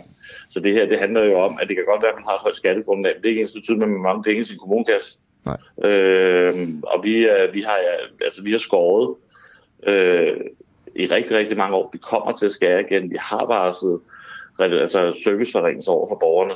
Okay. Øh, og så samtidig ser vi jo de her udfordringer, og da vi opfylder kriterierne, så søger vi selvfølgelig puljen. Ja. Man kan jo sige, altså, man kan også øh, vente rundt og sige, jamen altså, I kan jo have lov til at søge jo, men hvis man synes, det er forkert, I skal have, så kan man jo bare lade være med at give jer penge. Det kan man, og øh, man skal jo hæfte ved også lidt af pulje. Altså, det er jo til de vanskeligt stillede kommuner, og der, ja. man kan sige, at det her er jo ikke det her skal jo ikke gå hen og blive kampen med kommunerne om, hvem der er dårligt stillet, øh, eller, eller hvilke kriterier, der skal gælde øh, mest. Øh, vi er alle sammen udfordret på noget ja. af det samme, og så har hver kommune nogle særlige udfordringer. Ja. Øh, og det ændrer jo ikke på, det ændrer ikke på de udfordringer, kommunerne sidder i, afhængig, uafhængig af, hvorfor det er opstået. Ja. Okay, men tusind tak, fordi du vil være med til interview her til morgen. Det var så lidt. Kenneth Gøtterup, altså borgmester i Dragør Kommune. Du lytter til den uafhængige, øh, som her til morgen, som alle andre hverdage, sender mellem øh, klokken 7 og klokken 9. Øh, husk at støtte os, hvis du synes, det kunne være øh, vigtigt, øh, at vi er i Danmark. Øh, så gå ind på, øh, på denuafhængige.dk og, og skriv dig op øh, derinde. Øh, det koster 59 kroner om måneden, du kan bare, bare melde dig fra, når du vil. Øh, som medlem får man også adgang til en masse podcasts, der ligger på vores app, som jeg også synes, du skal downloade. Der kan man jo lytte til morgenudsendelsen her live via appen, fuldstændig gratis for alle, også selvom du ikke er medlem. Men der kan du altså også gå ind og se, hvilke programmer, øh, der er. Og der er, øh, der er mange interessante programmer. Jeg har selv lavet et, et program, øh, lige, der lige er kommet, der handler om øh, mysteriet om Scandinavian Star, øh, som virkelig nørder ned i øh, det, der muligvis er Danmarks historiens største forbrydelse. Altså, vi snakker i de sidste et eller andet tusind år. Ikke? Øh, så hvis du synes, det kunne være interessant, vi har også en masse spion-podcasts, og, og der er også en rigtig god øh, økonomi-podcast derinde. Okay, det var bare lige det. Tak fordi du støtter, hvis du allerede gør det. Hej, du lytter til Den Uafhængige på podcast. Husk, at du også kan lytte med, når vi sender live hver morgen klokken 7. Download vores app, Den Uafhængige, og tryk på play-knappen. Det er helt gratis. Oppositionen i Folketinget er afgørende for demokratiet. Det glemmer mange, men vi husker det på Den Uafhængige. Derfor giver vi en fremtrædende oppositionspolitiker en mikrofon og et studie hver uge. Lige nu er verden blå, men hvis magten skifter, bliver verden rød. Lyt til oppositionen på den uafhængige app, som kan downloades gratis. Ja, det her det er jo også et, endnu et program, øh, som vi har øh, inde på vores, øh, vores app, øh, hvor man kan lytte som medlem. Okay, her kommer en helt anden historie, øh, lige inden jeg skal snakke med Carsten Hønge fra, fra SF. Øh, men inden vi snakker med Hønge fra SF om, øh, om de 16 krav, SF har til en ny regering, så skal det handle om Christiania. Fristaden i København. Staten vil opføre 15.000 kvadratmeter almene boliger på Christiania. I sidste uge der sagde Christiania, at man har godkendt næsten halvdelen på betingelse af, at christianitterne selv får lov til at bestemme, hvem der skal bo der. Øhm, og nu kan jeg sige godmorgen til Knud Folchak, advokat for Christiania, øh, og altså også medlem af bestyrelsen for fonden Fristaden Christiania. Godmorgen. Godmorgen. Godmorgen. Øhm, hvad er jeres krav? Altså, du, vi har regeringen, de vil gerne bygge almene boliger på Christiania. Almene boliger er noget, man øh, venstrefløjen plejer at være rigtig glad for, fordi det er noget, almindelige mennesker kan bo i. Det er sådan forholdsvis billig husleje. Øhm, men alligevel siger I ikke bare ja. Hvad er jeres ligesom, betingelser? Det er ønsket er, at det, det støttede boligbyggeri, hvis de skal bygges på Christianias arealer, så skal det kunne være en del af Christiania. Altså sætte pris på at være en del af de værdier, som Christiania har i forhold til for eksempel socialt arbejde, kulturelle initiativer og være med i Christiania. Man skal jo ikke flytte ud på Christiania i støttet boligbyggeri, hvis man ikke er tilhænger af den stil og den kultur, som Christiania har haft i mere end 40 år. Men øh, må man, altså, vi lige ligesom, vil I gerne være med til at bestemme, hvem det er, der skal bo i de her øh, boliger? Christiania vil gerne sikre sig, at de ting, som er de gode ting med Christiania, altså de kulturelle, sociale, øh, ansvarlige, lave husleje osv., osv., den grønne hal, genbrugshallen, gråhal osv. osv.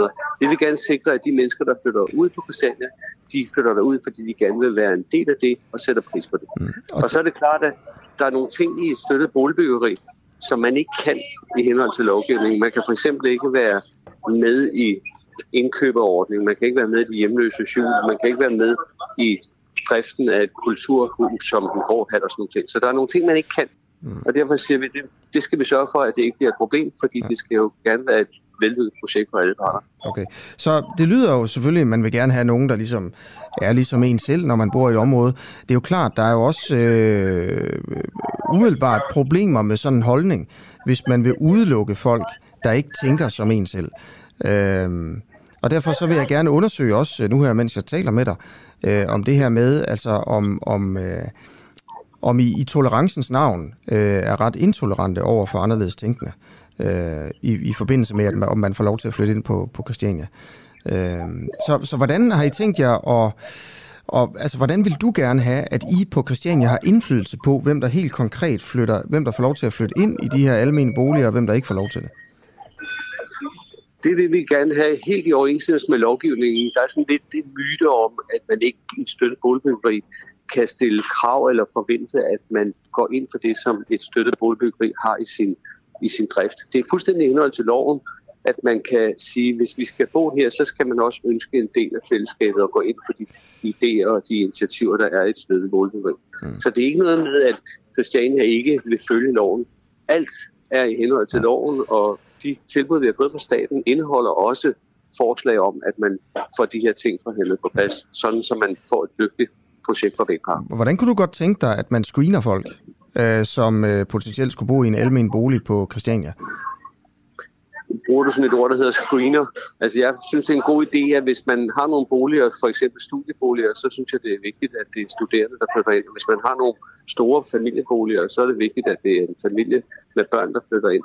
Øh, det er rent faktisk sådan, at Christiania har været ejet af en fond i 10 år. Ja og der har været anvisningsretter, og der har været boligtildeling fuldstændig efter reglerne, godkendt af staten år efter år. Ja, men, men det jeg spørger om, det er jo selvfølgelig bare, hvis vi nu tager en helt almindelig lejlighed, almen bolig, hvis vi siger, der bliver bygget de her almene boliger på Christiania, som regeringen gerne vil, øh, så vil I jo gerne sikre jer, at det, at det er folk med de rigtige værdier, der flytter ind. Det er jo det, du siger her, ikke? Hvordan vil I sikre jer det? Altså sådan helt konkret helt konkret, ligesom i andre støttede boligselskaber, så har man nogen, der taler et møde. Det er jo boligselskabets ledelse, der står på det. Så har man øh, møder med dem, der søger, og så finder man ud af øh, ved møder, om, det, øh, om de har de værdier, de synes øh, om de ting, der kan tilbydes.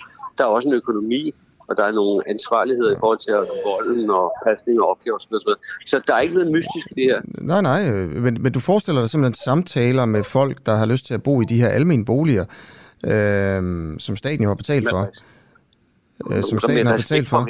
Som, om, om, om, sådan, så skal man sådan sidde og finde ud af, om man, om man har de, sådan, de rigtige Christiania-agtige værdier. Øh, det er fuldstændig i overensstemmelse med lovgivningen, ligesom i andre støttede boligselskaber, hvor kan man satser på fællesskab. Kan du prøve at give et eksempel på, en, øh, på, en, på, et, på et menneske, altså på nogle værdier, som ikke er velkomne på Christiania?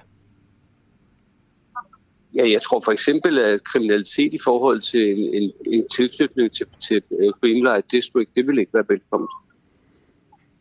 Til, øh, prøv, prøv at se, hvad tilknytning til Greenlight District, så det? Altså Pusher Street, jeg tror ikke, man ville synes, det var særlig smart at få folk ind, som har en eller anden form for tilknytning til pushermarkedet. Det, det, det ville da være et meget godt eksempel. Ja, så I vil afvise øh, hashandlere, folk, der er dømt for hashandler, eller hvis man er dømt og har udstået sin straf, så kan man jo ikke sortere folk fra. Hvem vil I så afvise? Altså, hvad, hvad skulle kriterierne hvis, være? Hvis man øh, for eksempel har folk, som, øh, man, øh, har, som man ved er tilknyttet, eller som giver udtryk for, at, at man vil have tilknyttet til et hashmarked, så vil man afvise Hvordan tilknytning til? Altså, Men, hvis man vil gå ned og købe en joint på Pusher Street, så vil I ikke have, at man flytter ind, eller hvad? Eller hvordan mener du tilknytning? Kan du prøve at være helt konkret omkring det? Ja, men jeg, jeg ved godt, at du gerne vil mystificere det her. Jeg tror heller, jeg vil vente om Nej, det vil jeg gerne have at vide det her, fordi det lyder, undskyld mig, som, som et tror... eller andet, hvor du tænker, okay, så kan jeg bare sige det her med, at vi vil helst ikke have nogen, der har tilknytning til Pusher Street. Når rigtig mange, der bor på Christiania i forvejen, køber hash på Pusher Street. Og du kan ikke argumentere for, hvad betyder det at have en tilknytning til Pusher Street? Så det her handler jo jeg om, tror... hvem vil I ikke have ind på Christiania? Folk, folk der professionelt scorer kassen på at arbejde med kriminel kriminalitet i forhold til halsmarkedet, er selvfølgelig en rigtig, rigtig skidt ting i forhold til Christiania og andre støttede boligselskaber. Det er ikke, der er ikke noget mystisk i det her. Det fungerer andre steder i Danmark, øh, og jeg ved godt, at I meget gerne vil gøre det til, at Christianitterne skal sidde i rundkreds og bestemme, hvem der skal bo på Christiania, og at man udelukker folk, der ikke er enige med Christiania. Det er slet ikke der, vi er. Det tilbud, som staten har givet. Det er et tilbud i henhold til lovens rammer, selvfølgelig. Og der er nogle ønsker om i et boligfællesskab, som skal ligge på Christiania, at man selvfølgelig også skal kunne lide de ting, Christiania står for, og skal selvfølgelig også være en del af de forpligtelser, der er på Christiania, for eksempel i forhold til de kulturelle sociale tilbud. Mm. Det er jo meget logisk. Man er jo ikke ude på at gøre konflikt, at lave konflikter. Man er ude på at lave et projekt, eller gennemføre et projekt, som er gavnligt for alle parter. Jo, men hvad er det for nogle andre værdier, man ikke må have, hvis man skal bo på Christiania, udover den Pusher Street? I et støttet boligselskab, så har man for eksempel fællesskaber omkring øh, mindre erhvervsvirksomheder, socialøkonomiske virksomheder. Og hvis man ikke går ind for socialøkonomiske virksomheder, for eksempel øh, at passe den grønne vold, som man også har fået tilbudt at støtte, så skal man selvfølgelig ikke flytte på Christiania. Hvis ikke man har lyst til et fællesskab, men har lyst til at være... Hvis man ikke går ind for øh, hvad? Prøv at sige det igen. Hvis man ikke går ind for hvis, socialøkonomiske... Hvis hvis man ikke går ind for for eksempel virksomheder, som drives i socialøkonomisk regi, det vil sige virksomheder, som arbejder med at sælge ting, som er socialt eller mm. bæredygtigt ansvarligt. Hvis ikke man mm. går ind for det, ja. så skal man selvfølgelig ikke på selv. Okay, så får man ikke lov til at flytte ind, hvis man øh, mener, at det er en dårlig idé at støtte op om sådan nogle virksomheder, men i virkeligheden er det bedre for, for verden at støtte op om en anden slags virksomheder, så skal man ikke lov til at bo på Christiania, eller? Jamen, det er, ikke, det er ikke noget med, at en kommer ind til et møde, og så får man at vide, at du kan ikke bo her, fordi du ikke kan lide grøn energi.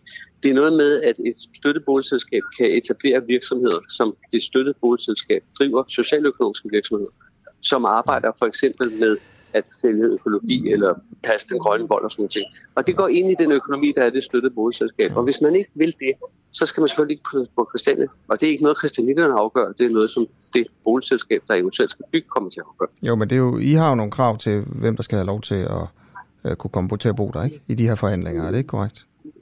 Jo, vi har sagt, at det skal man tage hensyn til, når man fastsætter spillereglerne for det støttede boligselskab. Jo. Okay, okay. Øhm, Øh, er der, hvad med, hvis man siger, jamen jeg øh, går ikke ind for den grønne omstilling til sådan en samtale her. Jeg går ikke ind for den grønne omstilling. Jeg, øh, jeg stemmer på Dansk Folkeparti. Øh, jeg går ind for, jeg er meget sådan individorienteret. Jeg går ikke ind for fællesskaber. Øh, får man, får man så lov til, vil I så, hvis, hvis, hvis I så nej til, den, til det menneske? Nej, det gør vi ikke. Nå. Eller det gør boligselskabet der. Det, det boligselskab, jeg skal jo lige svare på det, du spørger om. Altså, det boligselskab, som driver det byggeri på Christiania, som eventuelt skal etableres, de har en økonomi, og de har nogle aktiviteter, mm. blandt andet for eksempel aktiviteter om at passe volden, økologi, sociale virksomheder. Og hvis man vil flytte ind, så må man jo betale den økonomi, der er knyttet mm. til det. Så det er ikke noget, christianitterne afgør. Det er noget, som boligselskabet afgør i okay. sin økonomi og sin drift. Okay, så hvis man kommer ind og siger sådan nogle øh, ting til sådan en samtale der, med at man er at man har nogle værdier, der er i modstridende med, med, med, med Christianias værdier, men i øvrigt sådan overholder de regler, der er, når man flytter ind i sådan en almen bolig, så, så vil I være fint med det have det fint med det. Ja, ja, så, så kan man flytte ind ligesom alle andre. Det er jo i henhold til loven og i henhold til reglerne for boligselskab. Og det der med tilknytning til, øh, til Pusher Street, ikke? Der, vil du, der vil I helst heller ikke have nogen ind. Øh, der, det Pusher Street er jo den her gade på Christiania, hvor der bliver solgt øh, enormt meget øh, hash. Er det altså nærmest for en million kroner om dagen, eller et eller andet. Nu må du rette mig, hvis jeg tager fejl her. Øh, og det er jo styret i stor udstrækning af, af kriminelle bander som rocker for eksempel, der jo også øh, står for heroinsalg og sådan nogle ting. Øh, så det er, jo, det er jo noget rigtig, rigtig slemt noget. Øh, og og det, det vil du gerne have, at man ligesom øh, altså, man, man skal ikke have folk ind, der støtter, støtter op om det der. Har du selv øh, købt has ned på Pusher Street for, og, og dermed støttet de der øh, rockergrupper, der jo også nær sig ved heroin og sådan nogle ting? Har du selv gjort det? Lad mig lige starte med at sige, jeg ved ikke, om der bliver omsat for en million om dagen. Du sagde, du ret, og jeg ved det ikke. Ja. Derudover, nej, jeg har aldrig købt has i Pusher Street eller andre steder. Øh, og derudover, så fuldstændig ligesom i andre støttede boligbyggerier i Danmark, så er der nogle regler om kriminalitet, og blandt andet regler om, hvis der er øh, hashhandel osv. Så, så, så ligesom det, vi tidligere har talt om, alt er i henhold til gældende regler. Tusind tak, fordi du vil være med til et øh, interview. Selv tak. Ja, og det er altså Knud Folchak her, som er bestyrelsesmedlem i øh, Fonden Fristaden øh, Christiania, og altså også er øh, advokat. Okay, klokken er 11 minutter over 8. Du lytter til den uafhængige. Øhm, vil lige tage et par nyheder sådan fra den verden, der omgiver os, inden jeg skal snakke med Carsten Hønge fra SF.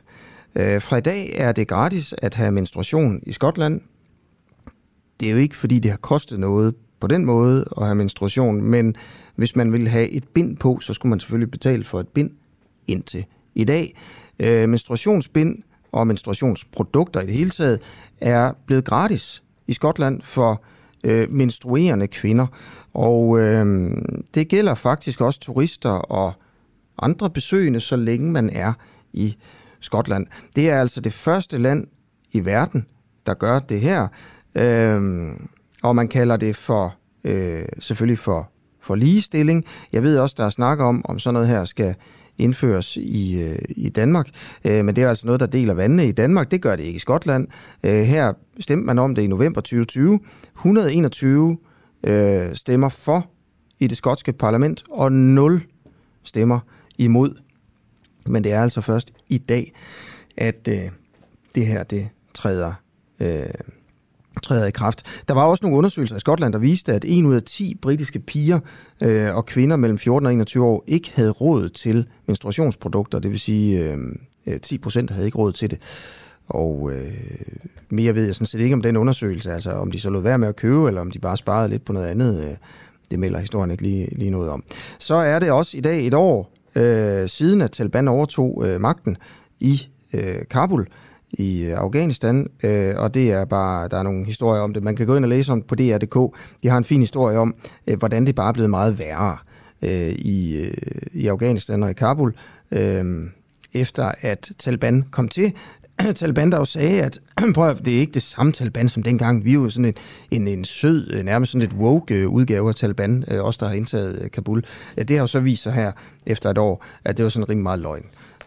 Det er fuldstændig den samme forfærdelige og formørkede ideologi, som man kendte det fra 90'erne og fra 0'erne.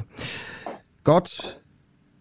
Man kan, man kan ane lidt lyde her i røret, og den lyd, man aner, det er Carsten Hynge. Er det ikke rigtigt? Jo, altså hvis jeg er den eneste, der er på linjen, Jamen, det er du. Det er du. du er den eneste, der, der, der, der rasler lidt. Politisk ordfører i, øh, i SF, godmorgen. Er I klar til valg? Det kan du tro, vi er. Altså, vi mangler selvfølgelig altid lige det, sådan lige det sidste, ikke? Der er nogle flyers, der ikke er blevet trykt endnu, og der er nogle sidste programting, der sådan skal helt på plads. Men uh, vi havde sommergruppemøde i sidste uge, og uh, jeg tror, vi er sådan uh, næsten på plads, og så har vi et valgkamps kick-off, som, som vi kalder sådan noget her, mm. om en uges tid. Så um, jeg synes, vi er godt klar i startblokkene. Okay, hvad kommer I til at gå til valg på?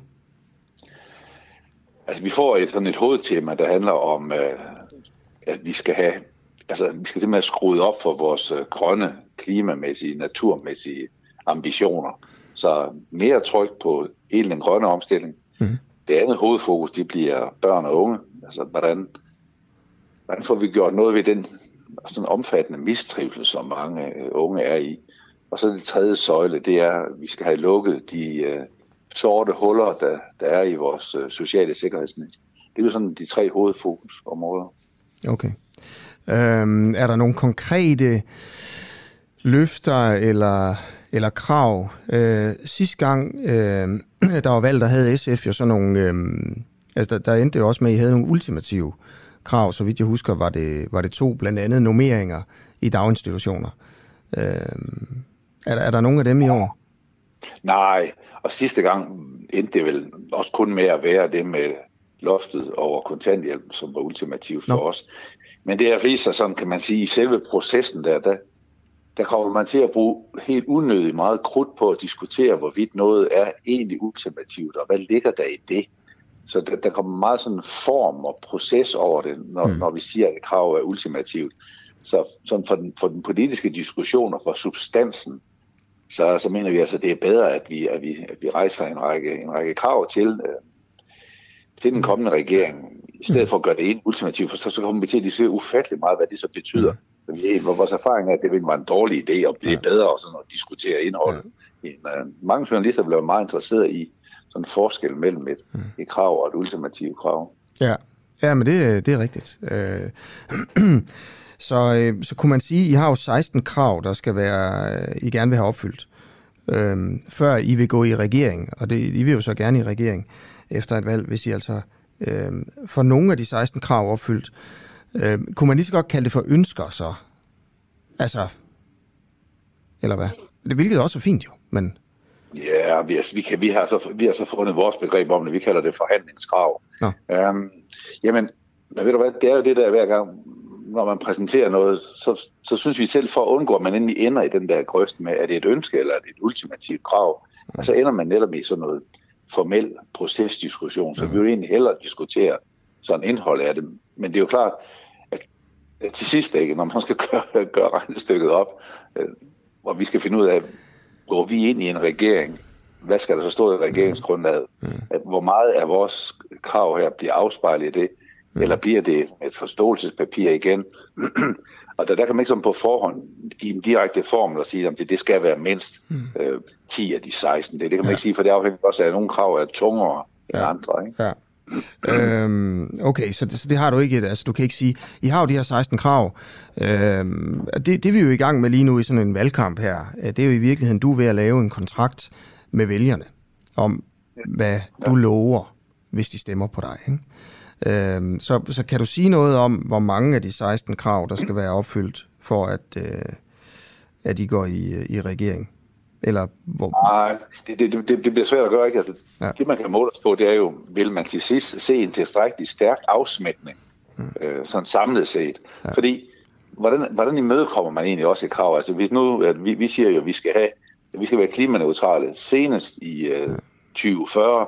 Hvad nu, hvis vi får en, hvor det er 2041? Er det så opfyldt? Oh, ikke? Altså, hvor man kan sige, at vi vil have en uh, naturens lov, altså hvor man sikrer biodiversitet. Men hvor omfattende bliver den, du ved.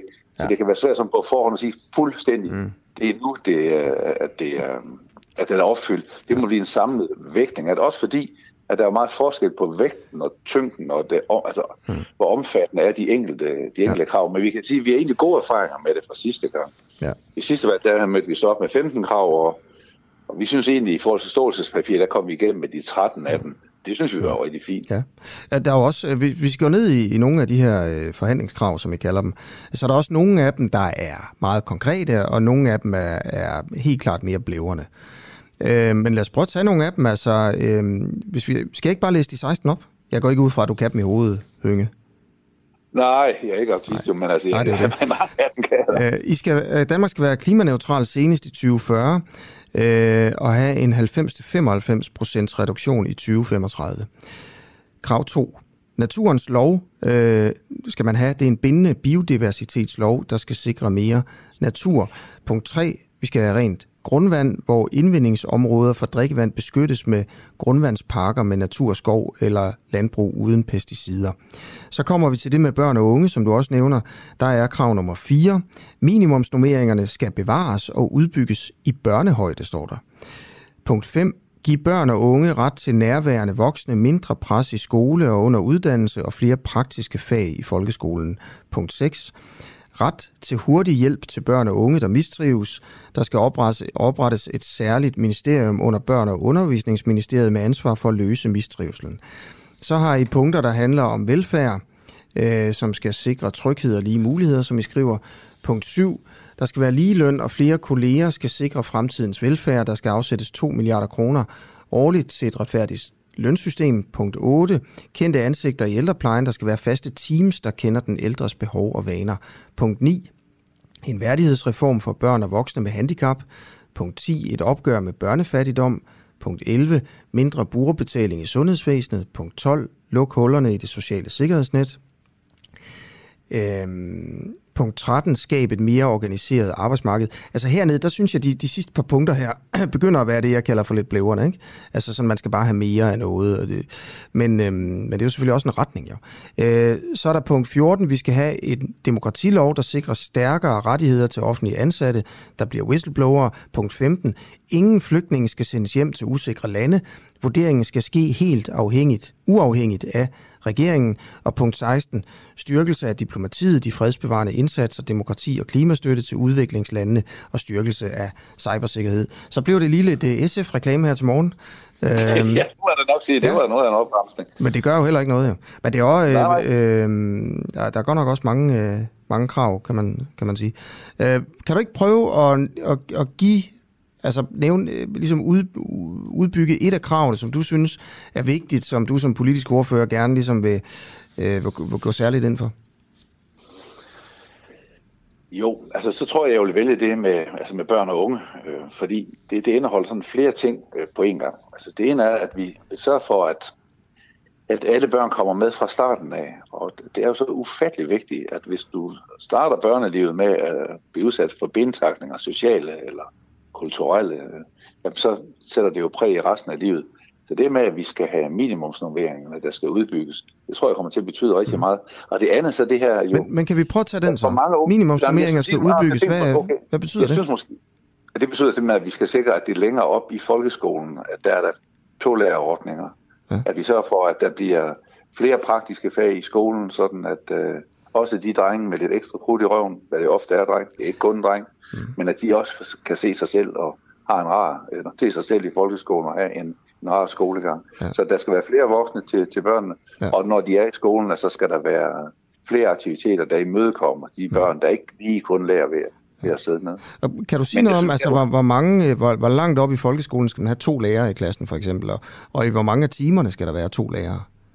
Nej, det, der, det er en af de ting, hvor vi netop forhandler om det. Vi siger, at det er den retning, vi går. Vi har jo gode erfaringer med det nu, at vi er kommet igennem med det under, under de sidste tre et halvt år, at vi har fået minimumsnormeringer både i, i, i børnehaven og i de små klasser i, i, skolen. Og, og det er også, og så har vi så også fået det, som jeg faktisk tror kommer til at betyde rigtig meget, altså at man ikke automatisk bare sendes fra, øh, fra, fra børnehaven og over i folkeskolen, men at man kan øh, aftale med forældre, pædagoger og skole, at hvis der er øh, nogle børn, der har brug for et ekstra år mm. i børnehaven. Så det, det handler om, børne, øh, om minimumsnummeringer, men det handler i det hele taget om at komme i børnehøjde med at se det enkelte barn. Jo, men sådan er det i forvejen. Altså man kan springe over, hvis man vil.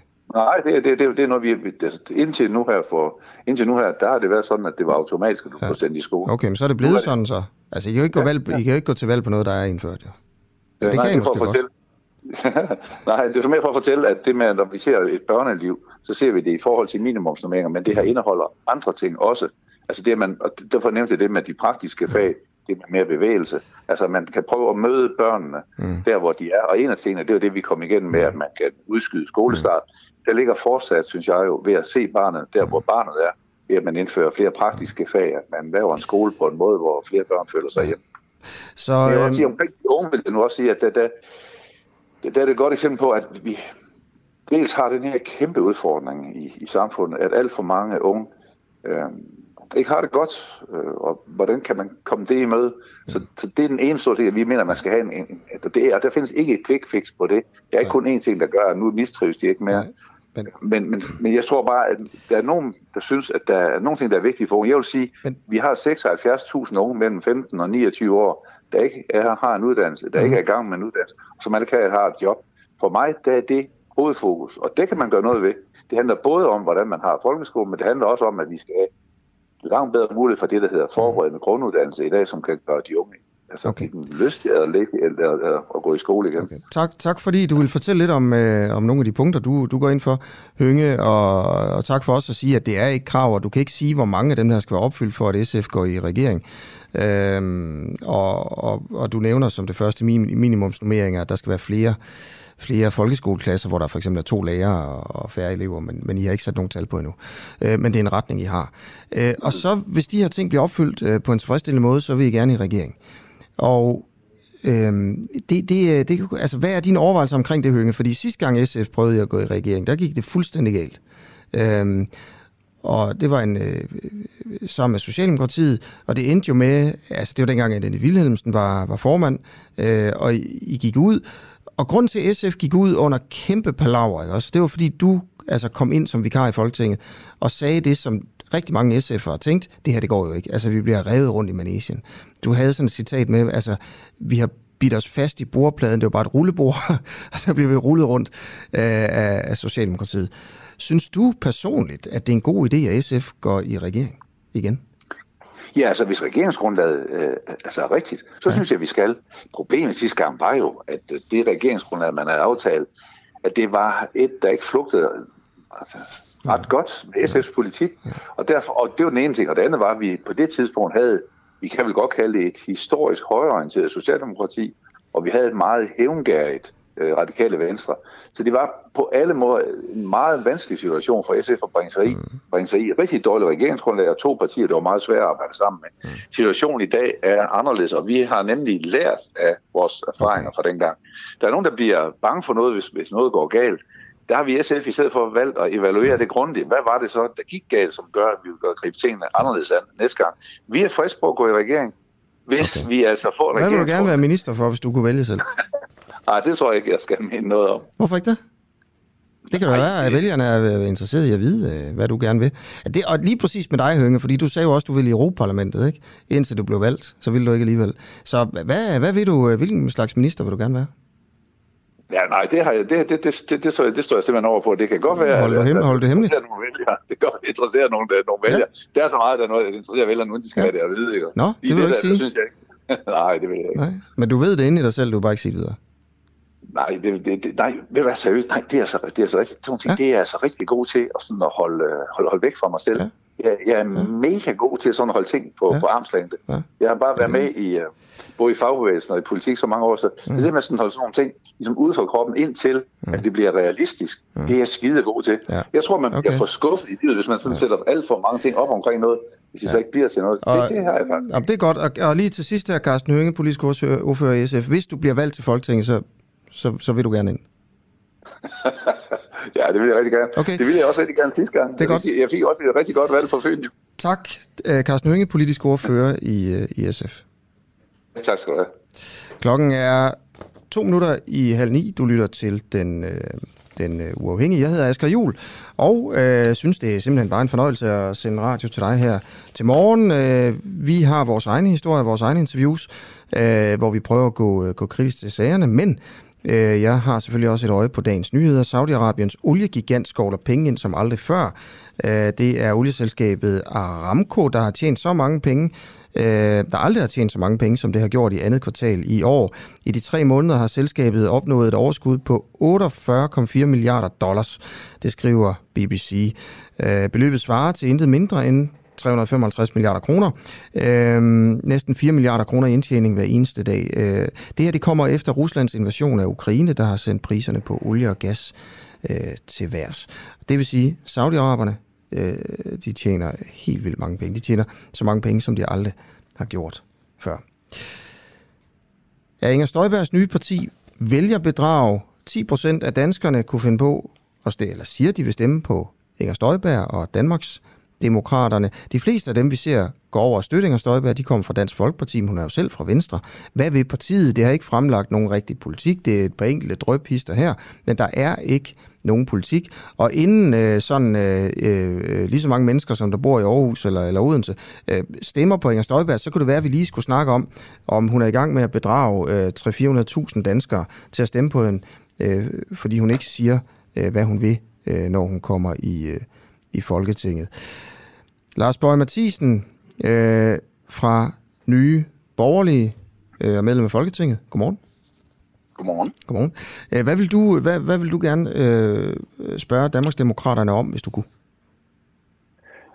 Åh, jamen, jeg var jo faktisk i radioen med, med, med Inger og Morten i, øh, i fredags øh, i Radio 4. Ja. Øh, og øh, og der kom vi da lidt, lidt nærmere på øh, noget omkring, hvad de synes om, omkring EU, noget om grænsekontrol og noget om deres øh, forhold til, til konventioner og stramme op på udlændingepolitikken. Øh, og det synes jeg faktisk var dejligt, fordi at, at, at der kommer et valg, og det handler om, om politik, og, øh, og det synes jeg, vi skal diskutere. Der hvor vi er enige, der hvor vi, mm. vi er uenige. Øh, det, som jeg så håber på, at jeg kan komme til at diskutere, øh, det er den økonomiske politik, som, som for mig, er, som både som finans- og skatte- og erhvervsordfører, men også som frihedsordfører, er, er ret væsentligt. Øh, og og der, der mangler jeg lidt øh, om, hvad det er for en økonomisk politik, øh, de kommer til at køre. Kommer den til at ligge op af, af DF? Kommer den til at ligge op af Venstre? Eller hvor kommer den til at ligge? Og det synes jeg bare er relevant, og det vil jeg mm. gerne debattere. Jeg synes, det, det er jo det, derfor vi er i politik. Det for at, og, og, og vi deler os efter anskuelse, og så prøver vi på at finde nogle kompromiser, og det skal vi selvfølgelig også. Ja, vi har jo prøvet at få et uh, interview uh, om uh, Danmarksdemokraternes og Ingers politik i lang tid, øh, og det er fuldstændig umuligt at, og det er faktisk fuldstændig umuligt at komme igennem til dem, øh, og de vender så heller ikke tilbage, når man, når man lægger beskeder og sådan noget. Men hun stiller op i Radio 4 jo, og så kan man selvfølgelig gå derind øh, og, og lytte der. Der er hun jo simpelthen på øh, forholdsvis ofte. Det er ligesom, det har hun valgt som sit medie. Øh, det ved jeg ikke, om er et, et adelsmærke eller et dødskys for et medie, altså at man på den måde bliver valgt til. Øh, men, øh, Nej, det, det skal jeg. Det, det, det må I, det må I Ja, jamen, det, tror jeg, det er heller ikke vigtigt her. Ja, men, nej. men som, som sagt, du siger selv, uh, ligger hun op af Venstre eller Dansk Folkeparti, når det kommer til, til økonomien? Hun er jo selv fra Venstre. Mange af dem, der støtter hende, er fra Dansk Folkeparti. Uh, hvad er det, du kigger på? Altså, hvor vil du, hvad vil du helt konkret gerne vide? Øh, jamen, jeg, undrer, jeg undrer mig lidt over, at, at da hun lancerede partiet, øh, så gik man ud, jeg forstår godt, når man lancerer parti, så skal man lige distancere sig lidt fra eksisterende og så videre. Det, det, er ikke, det forstår jeg godt. Men så gik hun ud og kaldte også for eksempel i Nye for ultraliberalister. Øh, og, den, og den eneste melding, der rent faktisk er kommet indtil videre på det økonomiske, det er, at hun vil godt øh, fjerne og sænke topskatten. Og så siger jeg, så kan det jo ikke være det. Og så siger jeg, fordi det vil vi jo også gerne. Og så tænker jeg, okay, hvor er det så henne, øh, at, at vi bliver til ultraliberalister i, mm. i, uh, i Danmarksdemokraterne, og det er jo ikke i Inger Støjberg, men det er i Danmarksdemokraterne, for man skal huske, det er parti, der stiller op til Folkeparti, så vi ellers mm. snakker med partiet vil. Og, og, og så tænker jeg bare, jamen, at det er det, at vi vil fjerne registreringsafgiften på, på, på biler, så folk bedre kan, kan komme frem og tilbage på arbejde. Er det det, at vi, vi, at vi vil gøre de første 90.000, du tjener om året, gøre dem skattefri? Er det, det er det, vi vil sænke elafgiften, så folk har råd til at betale regninger? Altså, jo, jeg er i tvivl om, du taler om hvor, hvor, hvor er det, Jamen, jeg er i tvivl om, hvor, hvad er det, der gør, at, at vi bliver betegnet som ultraliberalister? Altså, og, og når man bruger den betegnelse på folk, så er det fordi, man må mene, at de har en, en, en anden skattepolitik, end den man har. Og jeg kan bare sige, at hvis man indfører hele, hele Nye Borgerliges øh, økonomisk politik, jamen så vil vi lande på et skattetryk omkring det svenske. Og det, det vi er altså nødigt nødig som ultraliberalistisk. Og, og det synes jeg, der er ærgerligt, hvis man mener, det er ultraliberalistisk. Ja. Hvad, hvad ved du om Danmarksdemokraternes øh, skattepolitik? Det eneste, jeg ved, det er, at de godt vil, jeg mener, de vil sænke øh, topskat, det vil man betale enten ved at hæve grænsen, eller ved at, ved at sænke procenten, eller ved at fjerne den helt. Mm. Det er det eneste, jeg ved. Okay. Og, og skatpolitik er jo en del mere end det, ikke? Øh, det synes jeg jo. Altså, jeg, jeg synes, og jeg synes jo, det er altså den overordnede økonomiske nationalpolitik, det er jo reelt set det, som, som afgør også, hvad det er for en politik, man kan føre på en lang række andre mm. områder. Altså for, for, mig, altså, øh, og for mig er det væsentligt. Øh, og, og jeg håber, at jeg får anledning til at, til at diskutere det, fordi at, altså, vi oplevede jo i inden vi kom i Folketinget, også lige efter vi kom i Folketinget, at der var en, en lang række DF'er, der, der, der hassalerede mod, mod, at vi ville sænke topskatten. Altså, der var ikke grænser for, hvor dårlige mennesker vi var, fordi vi sænkte topskatten. Og, og det er da interessant, hvis alle de, de DF'er nu så synes, at nu er det helt fint at tænke, sænke topskat. Det håber jeg da. Mm. Fordi jeg, jeg vil da håbe, de er blevet klogere. Og jeg synes, det er sådan noget træls noget. Jeg tror, det kun i politik, at man ikke må blive klogere. Alle andre steder, så hylder vi det, hvis folk bliver klogere. Men så kunne jeg da bare godt tænke mig at vide, hvis det er sådan, at alle de DF'er, de er blevet klogere. Det vil jeg da glæde mig ja. over. Ja. øhm, er der andre nu, nu, jeg, hører, jeg har ikke hørt den der, øh, at Inger, hun var, Inger Støjberg var i, i Radio 4 sammen med Morten Messersmith, det har jeg ikke hørt. Øh, jeg har også hørt, at den gik ned, øh, appen eller et eller andet, under, under debatten. Det er så også lige meget. Var, ja. der, var der noget, hvor... Øh, hvor, hvor du lagde mærke ja, jeg, til Jeg var også med, jeg var, jeg var også med, men, men, men det, det passer ikke lige, den, den var, altså, jeg ved ikke, det er ikke sådan vigtigt noget, den var, den var faktisk gået ned om, for, om morgenen, Nå, nej, inden, også... inden, inden overhovedet begyndte på programmet begyndte, men Nå, okay. så, det lød men, nok men, bedre, at det var gået ned under. Ja, ja, men lad mig lige prøve at høre, hvad lagde du mærke til, at Inger Støjberg sagde, at ting hun så gerne ville? For nu har vi snakket lidt om de, de ting, øh, vi ikke ved, om hun vil.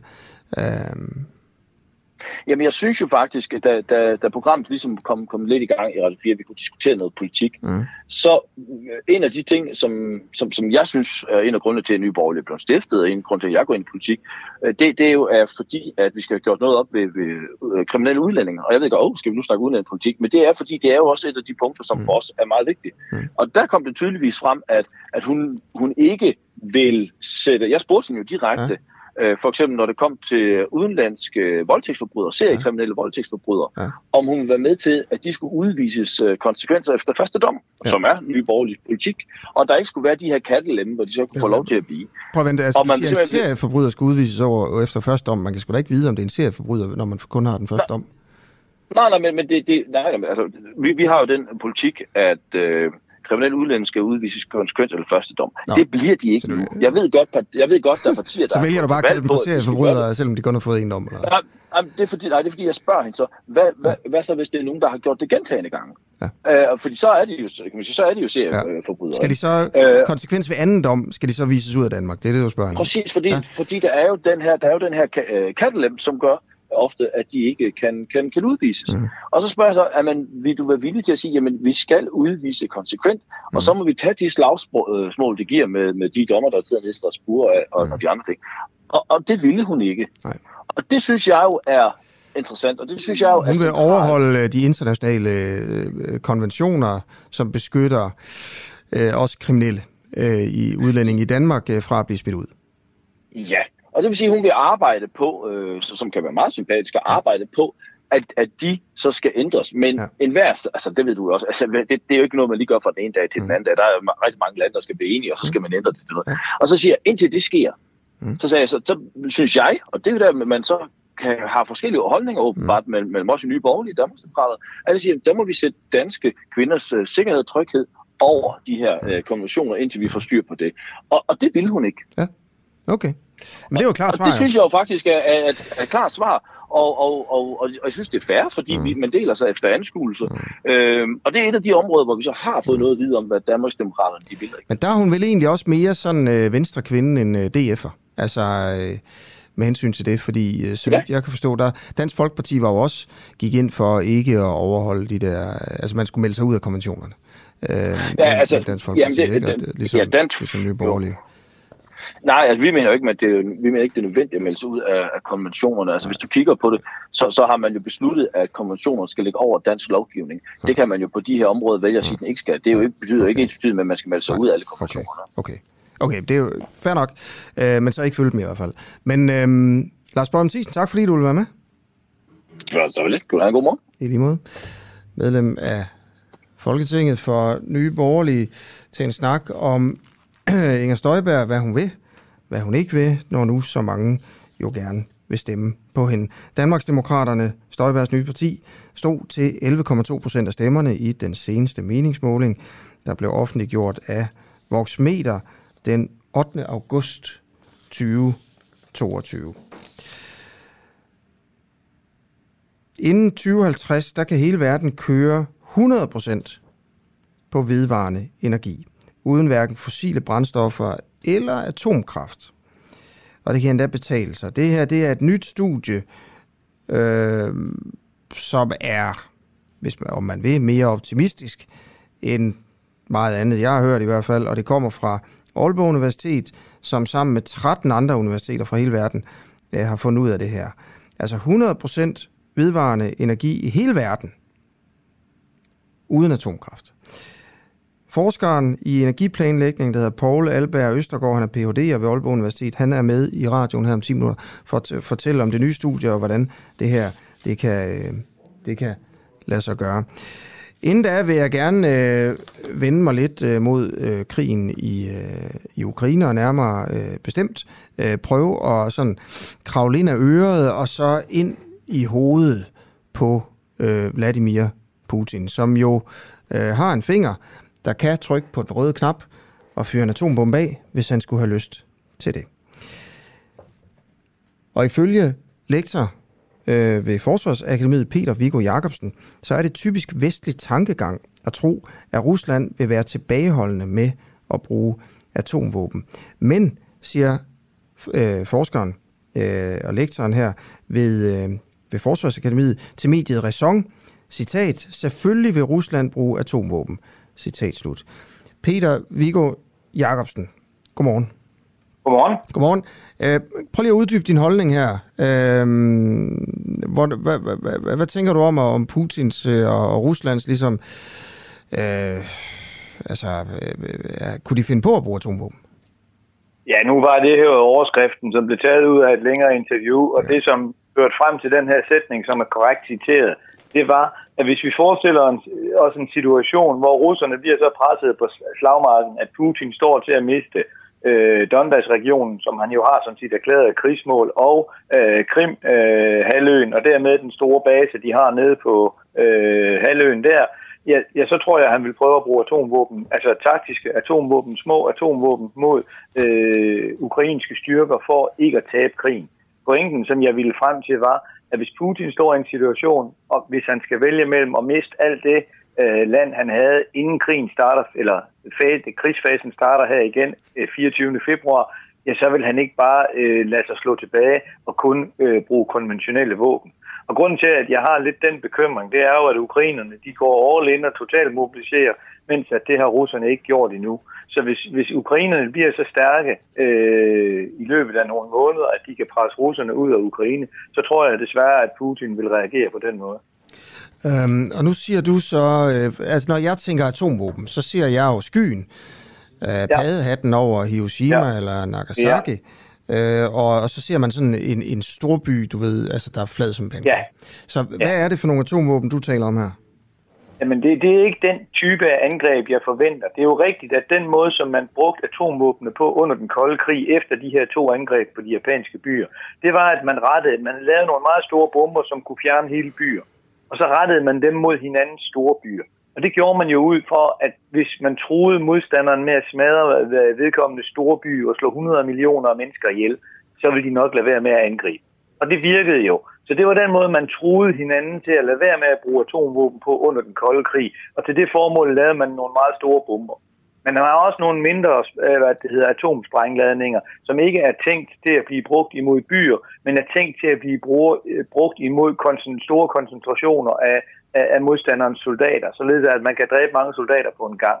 Og det er den form for atomvåben, jeg, jeg forestiller mig, at russerne vil an, anvende jeg har meget svært ved at se, at de skulle begynde at, at, at udslette Kiev. Det kan de godt gøre, men, men det vil politisk være, være pænt håbløst at gøre. Så jeg forestiller mig i første omgang, at man bruger dem på slagmarken mm. imod ukrainske soldater for at stoppe ukrainerne i at erobre hele Donbass-regionen eller Krimhalvøen. Mm. Hvad er sådan et atomvåben, der, der springer i luften? Øh, et, sådan et mindre, jeg tror du kaldte det for et taktisk kan det passe, ja, det, atomvåben. Ja, præcis. Øh, hvor meget, altså hvor, hvor, hvor stort et område ødelægger det?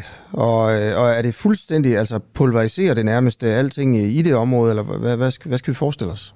Nej, altså det, du har selvfølgelig et, et, et område, hvor, der, hvor, hvor selve, selve, selve sprængladningen eller sprænghovedet det rammer, og der, der, vil der, være, der vil der ikke være særlig rart at være, der vil der ikke være noget tilbage. Men, men det der jo så derudover giver, giver problemer afhængig af, hvordan den er konstrueret, så kan du også få problemer med radioaktivt nedfald osv., som vi også kender det fra, fra Hiroshima og, og, og, og Nagasaki. Men, men det, du, det siger sig selv, jo mindre sprængladning du, du bruger, desto mindre er den, den, den, den problemstilling også. Og de er jo designet på en måde, så man også skulle være i stand til selv at kunne agere på, på, på kamppladsen bagefter. Det vil sige, at russerne er jo ikke interesseret i at rende rundt, at alle deres soldater også dør af radioaktiv stråling osv. Når det så er sagt, så en af grundene til, at jeg også sagde, at, at, at Vesten ser anderledes på atomvåben, end russerne gjorde, det er, at russerne også under den kolde krig havde et andet syn på atomvåben, end vi havde i Vesten. De så, de så hvad det hedder, atombomber som, som et hvilken som helst andet våben.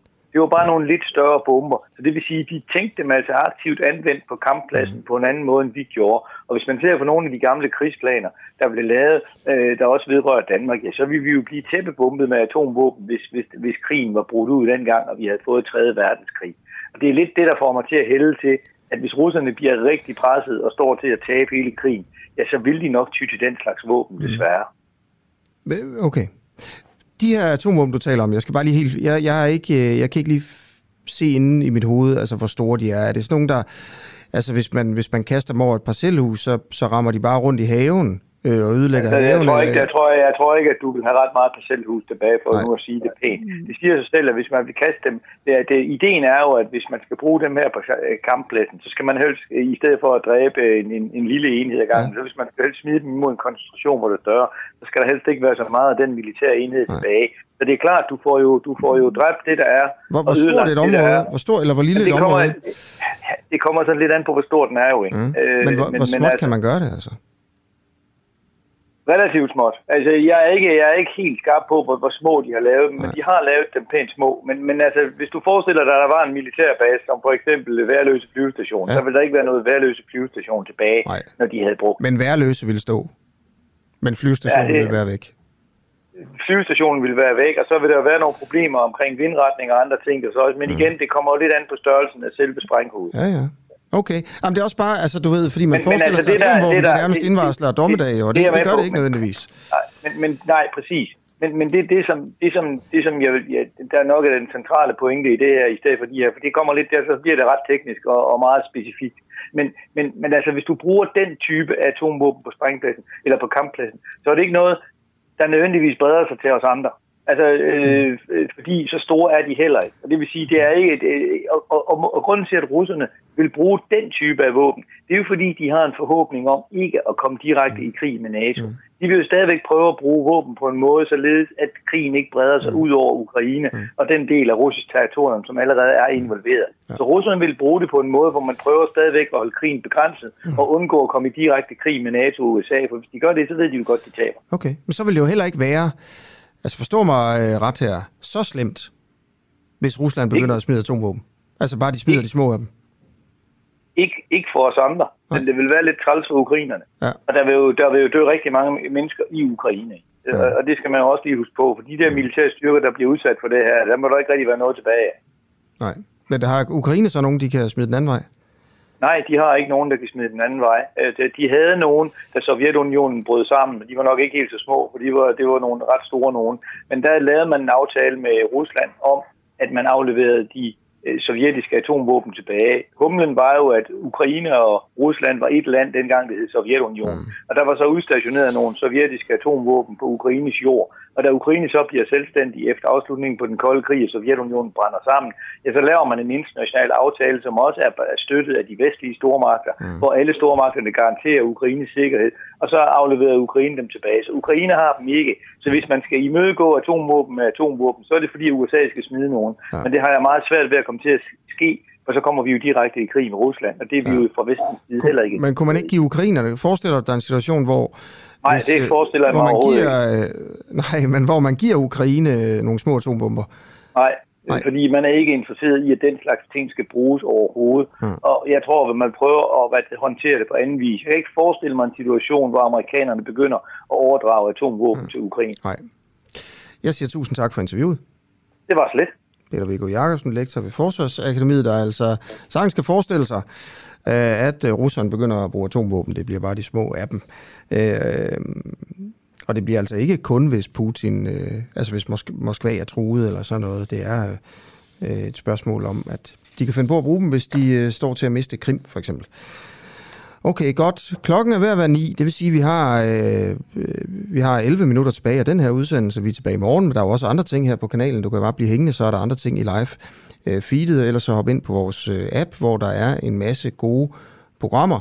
Øh, blandt andet et øh, fantastisk øh, økonomiprogram faktisk med Camilla øh, Boraki. Øh, jeg har også lavet et program om Scandinavian Star, og der er nogle interviewprogrammer derinde øh, med Pernille Brunse, hvor, øh, hvor de... Øh, hvad kan man sige, de mest interessante folk, vi har haft med i radioen, ligesom folder deres livshistorie ud.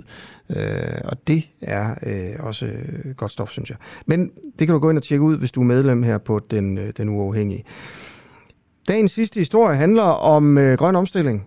Øh, og det handler vel egentlig om øh, det her, det er, hvad er egentlig muligt at gøre øh, i forhold til den grønne omstilling. Og det scenarie, der bliver tegnet op her, øh, det er vel, hvor man tænker, jamen hvorfor ikke? Det er da fint. Øh, du kan høre om det lige om lidt. Men hvad er det dårlige ved det? Hvad er de negative konsekvenser ved de her ting?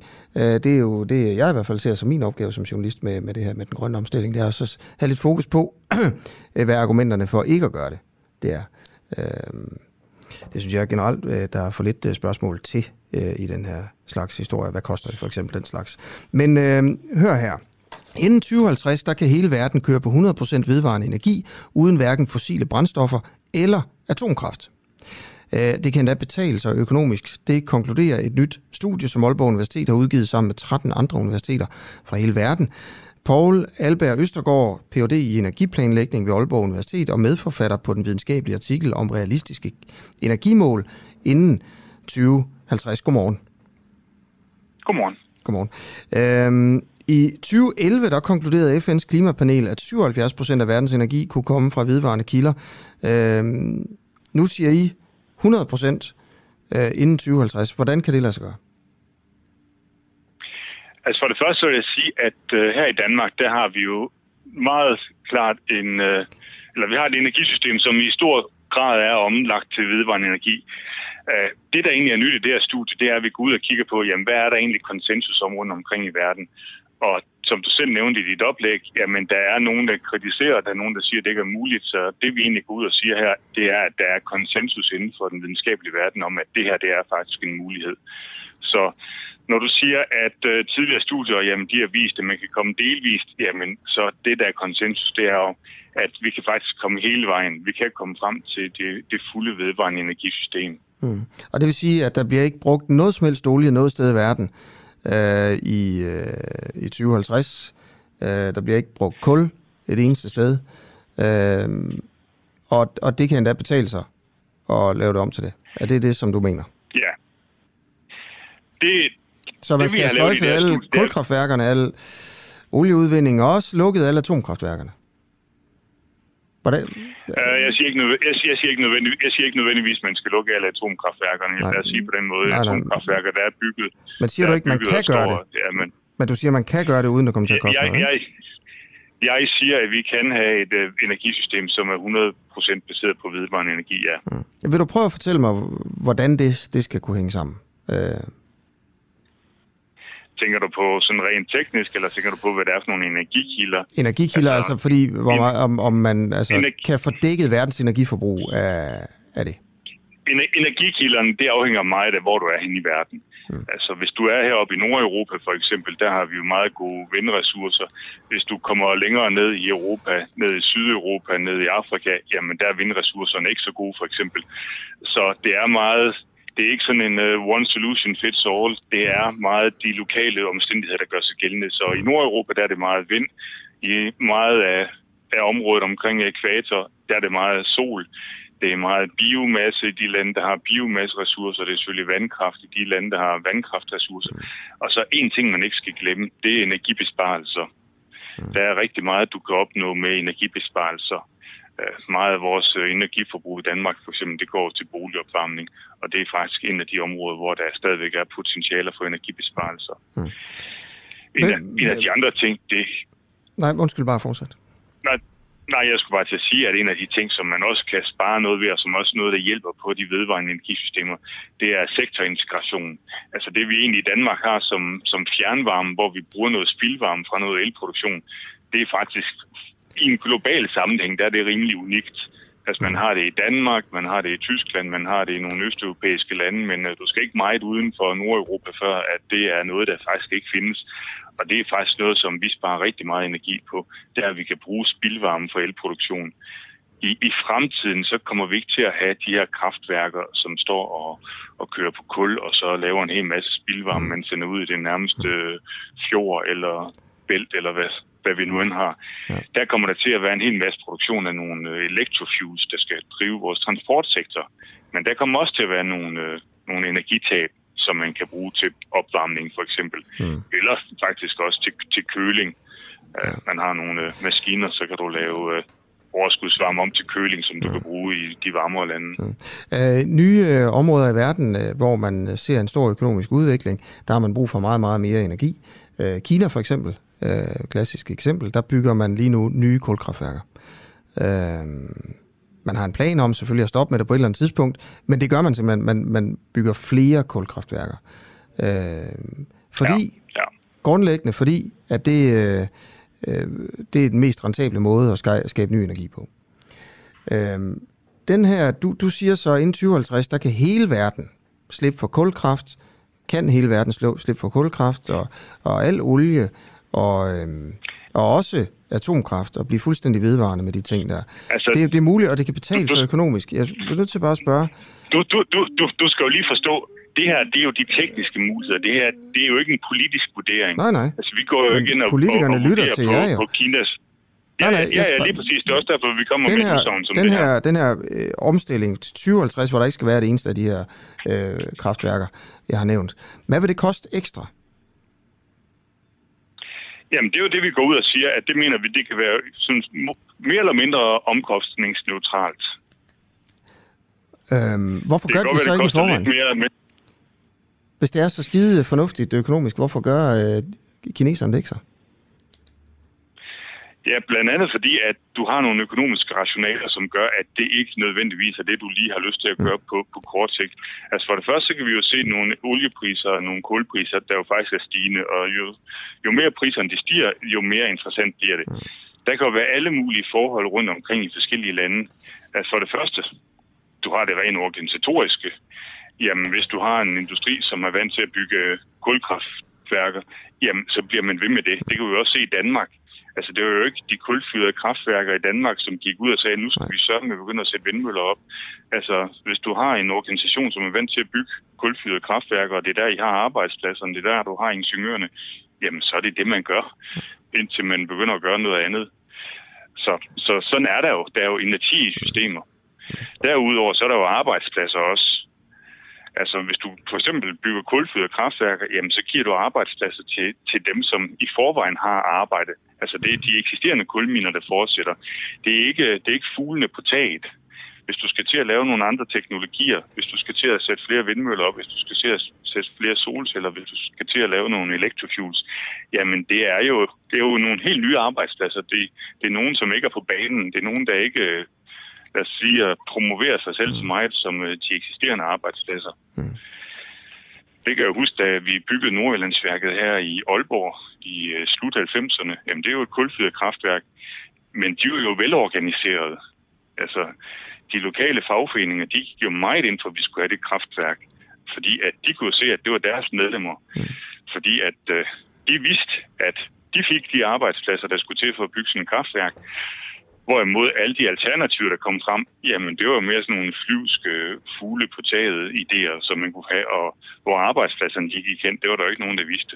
Mm. Så der er jo der er noget energi i sådan nogle systemer. Okay. Så, men altså priserne, de stiger i fremtiden. Må vi da håbe. Hvorfor? Håbe? Håber du det? Fordi vi har simpelthen brug for den her omstilling. Altså, det er jo ikke for sjov at lave den her omstilling. Altså, jeg, jeg, når man læser så meget på drivhuseffekter, hvad der kan ske, så er det jo ikke... Altså, jeg, jeg, jeg går jo ind for, at vi skal have den her omstilling lige meget, om det så var dobbelt så dyrt. Mm. Men heldigvis så behøver det ikke være dobbelt så dyrt. Poul Alberg Østergaard, tusind tak, fordi du vil være med her, Ph.D. i energiplanlægning ved Aalborg Universitet og medforfatter på den her videnskabelige artikel om realistiske energimål ja. inden 2050. Og så er klokken altså ved at være øh, 9. Dagens øh, store politiske historie her i Danmark, det er, at øh, Søren Pape Poulsen han har indkaldt til et presmøde. Det er om halvanden time. Øh, han vil sige noget. Han skriver på Facebook, det er meget vigtigt for danskerne, og så har han sådan et billede af sig selv med en kornmark i baggrunden. Og, og øh, det, man spekulerer på, det er, at her, der vil han sige, om han er statsministerkandidat officielt, eller om han ikke er. Øh, mange mener, at øh, han snart skal melde ud, og det er sandsynligvis det, han vil gøre her i dag. Jeg vil da gerne sætte øh, pengene på, at han siger, at han gerne vil være statsminister. Øh, og hvis man ser på meningsmålingerne, så er han jo også repræsentant for flere mennesker end øh, Jakob Ellemann Jensen. Øh, han er. Og det plejer at være sådan, at det er den store hund øh, i blokken, der får lov til at, at blive statsminister. Øh, og lige nu er det jo øh, Søren øh, Pape Poulsen, så øh, jeg tror godt, man kan vende sig til, øh, ligesom øh, at, at han kunne sidde der i sådan en øh, partilederduel øh, med, med Frederiksen og, og diskutere med hende, og at det altså ikke skal være venstremanden. Og så kan man heller ikke bare lade være med at tænke på, at der hviler en eller anden forbandelse over øh, Ellemann-familien, øh, hvor altså, formanden for Venstre jo plejer ligesom at være kandidat, og så hver gang det bliver en Ellemann, så bliver de konservative større. Men øh, tak fordi du lyttede med. Vi er selvfølgelig tilbage i morgen igen klokken, øh, klokken syv. Øhm, øh, jeg tror, det er Camilla Boraki og Christoffer øh, Lind, øh, der kommer til at beværte programmet der. Okay. Jeg har lige 5 sekunder tilbage, men jeg kan ikke lige finde på så meget at sige. Men øh, ja, klokken er 9.